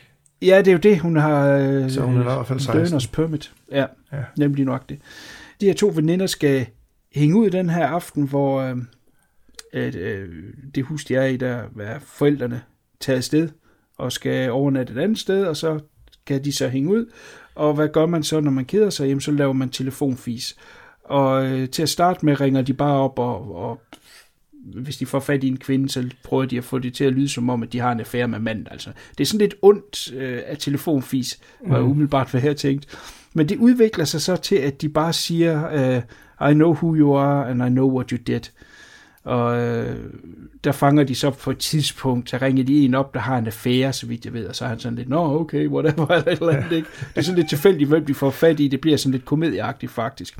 Men sideløbende med det, der ser vi så, øh, at den her mand, som slår hans kone ihjel, og har et side piece, som er en øh, kvinde, der bor øh, i huset over for ham. Han bliver så også ringet op og får det at vide, og han tror jo så rent faktisk, at der er nogen, der har set, hvad det er, han har gjort. Og øh, han sætter sig så for at finde ud af, hvem de er, og hvad de ved. Og det er sådan den ene del af det, og så har vi den her øh, elskerinde, som øh, er fra, øh, fra den anden side af, af vejen der, som ikke ved, hvad han har gjort. Han ved ikke, at hun har slået konen ihjel, men han tror, det er noget med, at han har noget kørende med en øh, yngre kvinde også. Øh, så, så hun har en anden indgang til, hvem er de her piger, og prøve at stoppe mm. dem. Og så øh, de her to teenagepiger, hende, øh, den ene af dem er så lidt frem i skoene, fordi hun tænker sådan lidt, at han lød da som sådan en øh, sexy mand, ham der øh, da hun talte i telefon med ham. Så hun vil egentlig gerne se, hvem han er, og de ender med at køre derhen, og, og hun ligesom har den her thing for ham. Og så er det, at øh, kvinden fra den anden side af vejen, hun jo så tror, at, øh, at det er hans elsker, der kommer, og så har de en alteration, og, og, og det er den måde, manden han finder ud af, hvem de er på. Så der er mm. sådan flere ting, der sådan spiller ind over, som bare er tilfældighedernes spil. De bliver selvfølgelig nødt til at have, øh, hvad skal man sige, bolden rullende, og de bliver nødt til på en eller anden måde at møde hinanden, fordi det er det fra før, at vi havde vist nummer i telefoner, eller øh, hvad var det, man trykkede i gamle dage? Star 69, og så Star 69, tilbage. Ja. ja, er lige nok. Så, så de, de bliver nødt til at lave noget, hvor de på en eller anden måde mødes. Men jeg synes langt hen ad vejen ikke, at det holder helt. Øh, det er første gang, jeg ser den her film. Jeg synes, det kunne være sjovt, når vi skulle skifte spor og prøve at tage en øh, lidt ældre film, som måske, øh, jeg ved ikke om man siger som en klassiker, men, men som man i hvert fald hører om. Mm. Jeg ved sgu ikke lige om umiddelbart, jeg var lidt skuffet over måden, den sådan var struktureret sammen på. Men, men det er umiddelbart det er sådan, det er, der kommer selvfølgelig en konklusion til sidst i, i bedste Hitchcock-stil. Fluen, havde du set uh, I Saw What You Did? Har du hørt om den? Hvad var dine umiddelbare tanker? I Know What You Did last sommer? Nej, øhm, den har jeg ikke set før. Det var også nyt for mig. Så det var også med helt friske øjne, så at sige. Jeg så den her. Øh, og har lidt samme øh, tilgang til det som mig. Der er sådan lidt, ja, holder det nu også helt? Og der er flere ting undervejs, der sådan er lidt, øh, lidt irriterende. Den ikke helt identificerer sig selv, filmen. Hvad, hvad vil den være? Er det noget komedie? Er det, er det faktisk noget thriller? Eller der er specielt en ting, der, der irriterer mig grænseløst. Er musikvalget. Øh, ja, lige nok det. Øh, som, og derfor jeg siger, jamen, vidt det er sådan noget cirkus, og sådan noget la-la-musik, der kommer, når der er noget, der skal være sjovt, og det er en helt anden genre af film, det hører ind i. Og det, det er der i starten, og så er det også igen i slutningen, øhm, hvor man bare tænker, jamen, hvad, hvad vil de med filmen? Hvad er det for en slags film, de vil? For jeg er ja. sådan lidt splittet. Jamen, er, der, er det sådan lidt en halv komedie, eller er det sådan lidt en thriller? ja. Så det, det landet sådan til sådan lunken, da jeg så den. Sådan lidt, nah. Men det er så noget af dens tid, det der med, at musikken mm. skal følge bevægelser og kamera. Ikke? Og det, det er selvfølgelig meget elskværdigt, hvis det her det rent faktisk virker. Men når ja. man prøver at bygge en stemning op, og der så er en, der løber ned ad trappen, og man så skal have det her musik, mm. som hurtigt bliver sådan lidt tivoliagtigt, så, så, så bliver det sådan lidt, det bliver mere sjovt, end det bliver spændende, og så taber de egentlig lidt den spænding, de har prøvet at bygge op. Og det er gennemgående. Altså, jeg synes faktisk, at musikken er det, der ødelægger filmen allermest. Jamen, det er da helt klart. Det er rigtigt. Fordi det irriterer mig grænseløst. Hitchcock, som var jo den store på det her tidspunkt, og som William Castle egentlig prøvede at efterabe, så vidt muligt han kunne slippe afsted med det, ikke? Altså Hitchcock mm. laver Psycho, der laver William Castle en film, der hedder Homicidal, som faktisk også er okay film. Så prøver han hele tiden at lægge sig op af ham, men Hitchcock jo spænder jo skruen med musikken, så du kan ja. godt have noget let musik i starten, men du kan ikke have, han brugte sgu ikke lige pludselig et eller andet øh, let fløjte i, i, i, resolutionen, vel? Altså, der, der, nu har vi spændt skruen, så skal være spændingsmusik. Der mm. er William Castle, det er bare sådan, at vi skal bare have noget, ja, lidt musik her. Altså teksterne, teksterne på den version, jeg så, der stod der frolicking music. Det, det er okay. Og det passer meget godt, for det er jo virkelig sådan noget, la la la la la, som slet ikke ja, passer ind i. Altså. Nej, det er sjovt. Det var også en af mine helt store pet peeves med den her. Det var simpelthen musikken. Ja, og det tror jeg, at de fleste øh, filminteresserede vil sige, at det vil sige, at det er fandme et mærkeligt valg, fordi det sender helt andre signaler end det, jeg tror, at det, ja. han ville med filmen. Øh, men, og du, du siger, jeg tror, Psycho, det... han tyvstjæler jo også, altså ja, morscenen i den her film, er foregår i en bruser og næsten skudt, skudt på samme måde. Altså, Lige nuagtigt, ja. Han, altså, man kan også se, hvor han har hans, hans inspiration fra. Det er der ingen tvivl om. Ja, og, og, og der er ikke noget ynde omkring det, fordi en mand som mm. uh, De Palma, som tit får skudt i skoen, at han er plagier uh, Hitchcock, eller i hvert fald tidligere i hans karriere, der vil jeg jo sige, det er jo gjort med stor respekt, plus han ligger hans eget på. Altså, jeg vil jo sige, mm. De Palma har sin egen måde at lave film på, selvom at de måske nogle gange øh, strejfer Hitchcock. Her, der som du selv siger, øh, det, det, det er skud ind under bruseren, det er skud ned til, øh, til afløbet, afløbet, fuldstændig ja. taget ud af, af Psycho. Det han så gør, som man, han måske har troet var intelligent, det er, at han twister det. Det er manden, der er i bad i stedet for kvinden. Mm. Øh, men ja,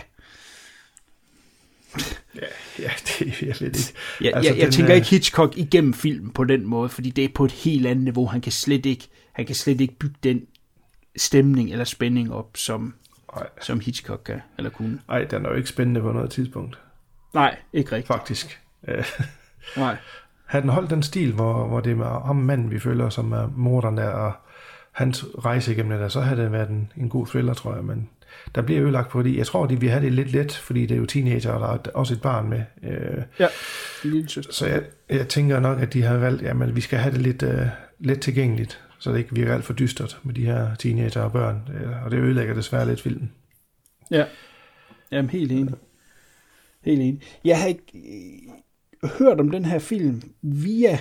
Ej, jeg havde nok hørt om den alligevel. Men der kom jo et remake i 88. Mm. Og, og, og det var egentlig derfra, jeg øh, kendte den. Det er en tv-film, ja, som så hedder I Saw What You Did, som øh, blandt andet har Shawnee Smith i, i, i hovedrollen som en af de her øh, piger, der ringer, der ringer den her mand op, der har slået sin, sin kone ihjel. Instrueret af Fred Walton, der også lavet øh, April Fool's Day. Mm. Øhm, så øh, okay, okay 80'er film. Det er jo en tv-film, ikke? Ikke, ikke noget stort. Ved heller ikke, om det er en, der er udgivet på noget sidenhen, anden mm. måske noget VHS. Uh, men den er da et kig værd. Men jeg jo nysgerrig omkring den her, fordi William Castle er sådan lidt en sjov karakter, som jeg sagde. Han bandt meget op på de her uh, gimmicks, du skulle have, når du gik ind i biografen, som man sikkert har hørt om før. Han lavede den, der hed uh, The Tinkler, hvor der så var uh, visse sæder i salene, der var strøm i, så at når der skete et eller andet på scenen, så fik man strøm, når man sad og så filmen, ikke? Han havde også, øh, hvad fanden var det, det var? Øh, et eller andet, øh, var det House on Haunted Hill, hvor der var noget med skelet, der fløj igennem øh, biografsalene, så folk de fik det her øh, ekstra chok. Mm. Så der var det her gimmick, noget som kunne få folk ind, det er selvfølgelig nok især teenager, han øh, catered til med det her, og det falder måske også meget godt i tråd med, at vi siger, at uh, så det ikke er for uhyggeligt. Den, den, den er måske lavet lidt til teenager. Og den her, der prøvede han så at lave noget, der hed shock out of your seat. Altså simpelthen, at du vil blive så bange, at hvis du ikke tog en sikkerhedssele på, så vil du falde ud af, af dit sæde. og så blev der simpelthen monteret sikkerhedsseler på biografsæderne, øh, så man kunne klikke sig fast, fordi at, ellers ville man simpelthen glide ud af stolen af ren frygt. Øhm, og der var også noget med, jeg, jeg har prøvet at læse det fra forskellige steder, men jeg er stadigvæk ikke helt klar over, om, om jeg forstår det. Det kan være, du, du øh, også er faldet over det. Noget med, at der var en telefon, når man gik ind i salene, og den her telefon kunne du så, om du, det var et specifikt nummer, du ringte op, eller den, du, du kunne ringe til en tilfældig, jeg ved det ikke helt, hvor du så kunne sige det her, uh, I know who you are, I know what you did, uh, som en del af en gimmick. Uh, men, men telefonselskaberne dengang var simpelthen ikke bygget til den trafikmængde. Det er derfor, jeg tænker, at det må være et bestemt nummer. I hvert fald så var det hele ved at bryde sammen, og så måtte han pille det ned igen. Øh, det var ikke alt, han havde lov til at lave øh, mm. af de her gimmicks. Men en, en, en sjov tid, hvor at, øh, det er jo det, der ligesom kunne drive folk i biografen, så var det egentlig lidt ligegyldigt, hvad filmen var, bare der var de her gimmicks. Ja, det er lidt stærk kontrast til i dag, der vil man bare gerne have roen med biografen. Altså, ikke noget ballade, der skal bare sætte sig og se en film. Ja, jeg kan altså ikke forestille mig, de der gimmicks der i dag. Nej, nej, nej, nej. Shit, man, Altså, øh, det værende sagt, kunne det da være sjovt at prøve. Ja. Øh, at være i sådan en sal der. Der blev ført lavet en film, som øh, ikke er en... Den er, den er baseret rundt om William Castle, uden at være direkte øh, kopi af hans liv, der hedder Matinee fra 93, som har John Mhm. Goodman øh, i hovedrollen som den her mand, der prøver at, at lave de her gimmick-film tilbage i, i øh, 50'erne. Øh, for øvrigt instrueret af Joe Dante, som vi snakkede om tidligere. Ja. En film, der er glemt lidt af tiden, men den er bestemt et kig værd. Jeg ved ikke, om du har set den. Jo, jo. Ja, den, den, den giver et godt indblik i den her tid og de her lidt skøre film, ja. Som han lavede. Uh, som sagt, House on Haunted Hill. Han havde et godt run her, øh, 59. The Tinkler 59. Så lavede han 13 Ghosts. Det er jo alt sammen noget, der er blevet genindspillet, det her. Mm-hmm. Og så lavede han den der Homicidal, som ligger sig op af Psycho, som jeg nævnte før. The Old Ja. Dark House 63. Og så som sagt den her So You Did. Så han havde et rigtig godt øh, drive i den her periode med nogle film, som var ret succesrige, men så forsvandt han så lidt igen øh, fra midt-60'erne og, og kom aldrig rigtig tilbage, og, og så døde han en, en, en, en tidlig død. Men, øh, men en, en, en sjov person øh, fik lidt et ja, selvfølgelig et ry i forbindelse med de her ting, han lavede. Øh, blandt andet så købte han rettighederne til øh, Rosemary's Baby. Men med den øh, arbejder by øh, rettighedshaverne, at han ikke måtte instruere filmen. Fordi de mente, at det var, han var for tacky. Så ja. han var producent på filmen. Men han måtte ikke instruere den. Det synes jeg er meget sjovt. Så der, der, der har været sådan lidt, at, at han var lidt en tavleinstruktør måske øh, med de her ting, han lagde til. Så nogle af de mere seriøse øh, projekter, der, der, der vil de ikke have hans navn på. Men, men han har da haft stor succes, absolut. Ja, jeg synes også lige, vi skal komme forbi øh, Cast, altså Joan Ja, Crawford selvfølgelig. er selvfølgelig med her i. Øhm, det var noget af det sidste, hun lavede, var det ikke det? Eller hvad? Hvornår døde hun? Øh, en, en 10-12 år efter. Nej, jeg tror, hun lavede lidt herefter, men det er noget af det sidste øh, øh, gode, højprofilerede, hun lavede. Hun Mm. havde jo øh, lidt voldsomt under øh, en film, hun lavede øh, tidligere med Betty Davis. Whatever Happened to Baby Jane, hvor de her to mm. Primadonna-skuespillere, de blev sat over for hinanden, og det har åbenbart været så fysisk hårdt, at hun jo nærmest var ved at droppe ud af film. Øh, og det er jo derfor, hun satte den her film, øh, den har hun altid øh, sat højt, fordi her fik hun lov til ligesom at shine, selvom mm. Mhm. at hun kun er med i 10 minutter eller sådan et eller andet. Det, Ja, ja, hun at hun er top billing, så er hun sat ikke meget med i den. Nej, det er hun ikke. Men når hun er på, så er hun på. Øh, Ja, kæmpe screen presence. Kæmpe ja. screen presence. Absolut. Helt sikkert. Og det er også noget med, at hun kom med sin eget øh, tøj og sin egen øh, ja, det kan man godt se, der. øh, smykker og sådan noget der. Altså det er, øh, nu snakker vi tidligere om det der med, at med Mel Gibson, at man bare lige dukker op.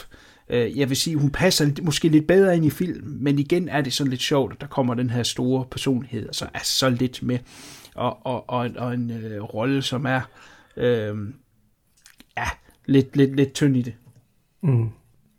Som den her jaloux øh, nabo. Ja. Og så spiller hun over for ham, der så spiller vores hoved. Ja, hovedrolle er han vel ikke engang, men han er...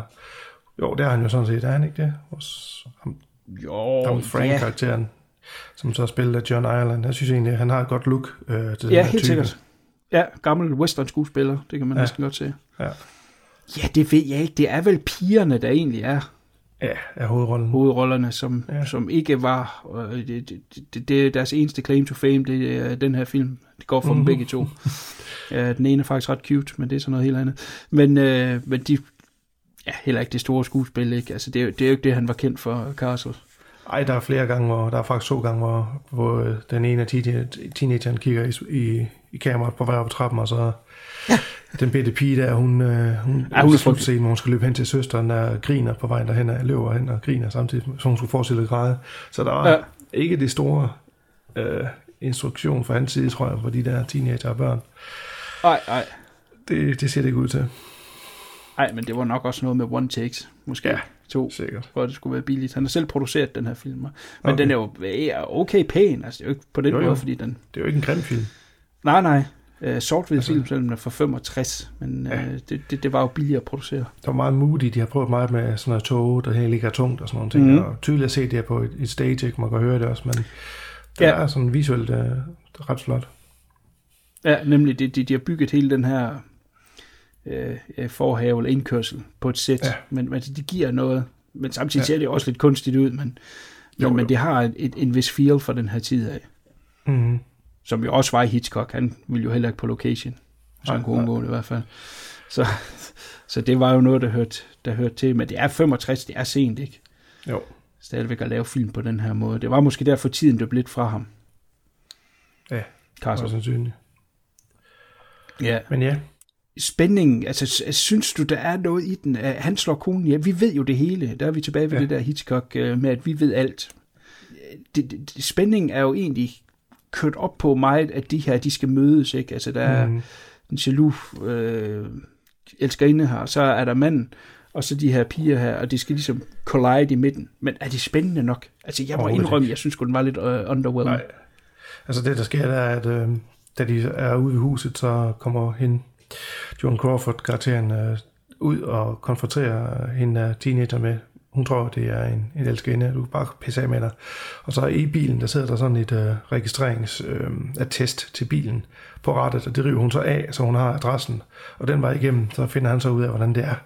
Og det er jo den måde, de bliver nødt til at gøre det på. For, Fordi du har ikke noget Star 69, som du siger, du har ikke noget computerværk, du er nødt til at vide rent fysisk, hvor, hvor bor de hen og det er den måde, de så får det uh, twistet ind i historien der. Så man ved jo også godt, der kommer nok ikke til at ske det vilde, fordi det er jo børn, og det er jo teenager, ikke? Altså, hvad vil han gøre? Ser man ham slå mig ihjel? Det lukker jo langt væk af, allerede fra starten, at det gør han jo nok ikke. Øh, så det er sådan lidt bare sådan en skæretaktik, han møder op, og ja, okay, så slipper I. Øh, så det, nej, der er ikke det store spænding, siger det, for mit vedkommende. Nej. Og så forældrene, der, der er taget øh, på weekend, som, som ja prøver at ringe hele tiden desperat for at komme igennem. Altså, mm. Igen, er, er, det et, er det et spændingsmoment? Eller er det bare lidt... Nej, for ingen, for de sender en politimand derud, ikke? Altså, det der ødelægger lidt spændingen, kan man sige. Kommer ja, ja. en politimand ud og tjekker op på dem. Nå, okay, I er herude ja, i komplet asshole af politimand først. Ja. I går bare i seng nu. Så ja, det vil ikke altså spænding. Altså, der er lige lidt, uh, der er lige et, et godt mor der i starten, uh, som virker okay, og så er der så hele slutningen af, i bilen der. Ja. Men det er da vist de højdepunkterne, kan man sige, spændingsmæssigt. Ja, det er svært at tro, at det er en, som voksne mennesker har kunne være fængt eller skræmt af. Jeg er faktisk lidt skuffet over, at den er så anset, som den nu engang er. Fordi der Nej, er jo ikke set ikke rigtig noget i den. Nej. Forhold til Hitchcock, altså det er på et helt, helt, helt andet niveau. Der er det måske bedre med hans uh, House on Haunted Hill og, og, og The Tinklers og noget der, 13 Ghosts, hvor han er over i det overnaturlige, og han kan lave hans gimmicks. Jamen bare, bare den her, ikke, hvor de så har været igennem det mest horrible, som man kan se som børn, ikke, og i slutningen uden at afsløre, hvad det er, og så ser hun det ude foran bilen og græder, øh, krammer hinanden, og så kommer det der frolicking music igen, og så begynder de ja. at grine. Så begynder de at grine over at lave en joke over det, der er lige sket, og nu får de nok ikke lov til at bruge bilen igen mange år frem. så, så what? Hvad fanden foregår der? altså, der er det bare ja. topsutten helt. Altså, virkelig. Det er sgu da en, måde, en underlig måde at slutte filmen på, når man lige været op på sådan i anfølgelsestegn spændingsmoment, ikke? Ja. Og de har set noget frygteligt, og så, ja, så griner vi bare af det med noget sjov musik. ja. Oh, ja. Så skal man sættes ned på jorden igen, og så kommer ja. man netop ud med den der lidt flade fornemmelse. Ja, lige præcis. Hold den nu bare til det ene, i stedet for at lave det her forsøgningsmusik, som gør, at man ikke bliver for bange. Ja. ja. Altså, det var en lunken, uh, lunken oplevelse, vil jeg sige. Ja, det var det. Det var et misfire for min side, jeg valgte den. Ja. Der var klasse. Og jeg er faktisk ikke engang sikker på, at jeg vil anbefale den. Det var faktisk kun en time og 20. Jamen, det tror jeg faktisk heller ikke rigtigt er ved, med mindre, at man godt kan lide film fra den tid specifikt, eller ja. man godt kan lide at se, hvad, sådan lidt, hvad skal man sige, slipstrøm af Hitchcock. Ja. Øh, derudover så er der ikke rigtig noget at hente i den. Nej, altså. det er der sgu ikke. Det er der sgu ikke. Jeg tror faktisk ikke, at det er et recommend for min tid. ja, jeg stemmer i. Det var en opgave, fordi vi skulle dække den her. Ja. Øh, vi har ikke så meget at sige om den, fordi der er ikke rigtig noget i den. Der er ikke ret Der er ikke noget kød på den, der er ikke rigtig noget spændende. Nej. Som så, uh, William Castle er en, er en sjov karakter, men det er nok mere over i i de film, som jeg sagde før, hvor vi er over i, i det overnaturlige. Tinkler, 13 Ghosts. Ja, Men er man stor House fan af instruktøren, der så ja, jo jo, og har man ikke set den før, ja. selvfølgelig, så skal man jo nok tage den, men ellers så finde noget andet for den tidsperiode. Se Psycho i stedet for. Ja, bestemt. Ej, jeg var også godt, at den der Homicidal, han lavede, som var hans Okay. take på et, på et, øh, på et Psycho, eller på Psycho, er, er også et kig værd. Det synes jeg. Okay, den er, jamen jeg tror ikke, jeg har set anden af ham her. Så. Flere af hans film er i hvert fald på Prime, nok også Tubi. Øh, okay. så, altså, det er sgu meget sjovt at sidde til House on Haunted Hill, helt sikkert. øh, Fedt. det, det, det, den er fandme så skør, så, så, så den, er, den er et kig værd. Absolut. Super. Ja. Godt. Jamen, øh, næste gang, har du øh, et bud på, hvad vi skal se? Nej, overhovedet ikke. Jeg er slet ikke ved en tænkeboks. Øh, så hvis du har Ja, men- liggende, det har du. Ja, men det har jeg. Det har jeg. Jeg, sy- jeg, jeg synes, vi skal gå tilbage til de lidt mere krævende, men så er der også lidt mere snak om. Til 2. verdenskrig. Øh, Nej, dog ikke. Ej, dog ikke. Vi skal, vi skal noget længere tilbage. Okay. Øh, jeg synes, vi skal komme forbi noget Peter Greenaway, og oh. vi skal se en af hans mere glemte, oversete film, nemlig The Baby of Macon. Uh, det er mange år siden, man har set den. Så der er, øh, der er i hvert fald noget at snakke om. Der er noget Cool. mere kød på, på grillen. Ja, det må der være. Det er godt. Jamen, Fluen, kan du sige uh, pænt farvel? Pænt farvel.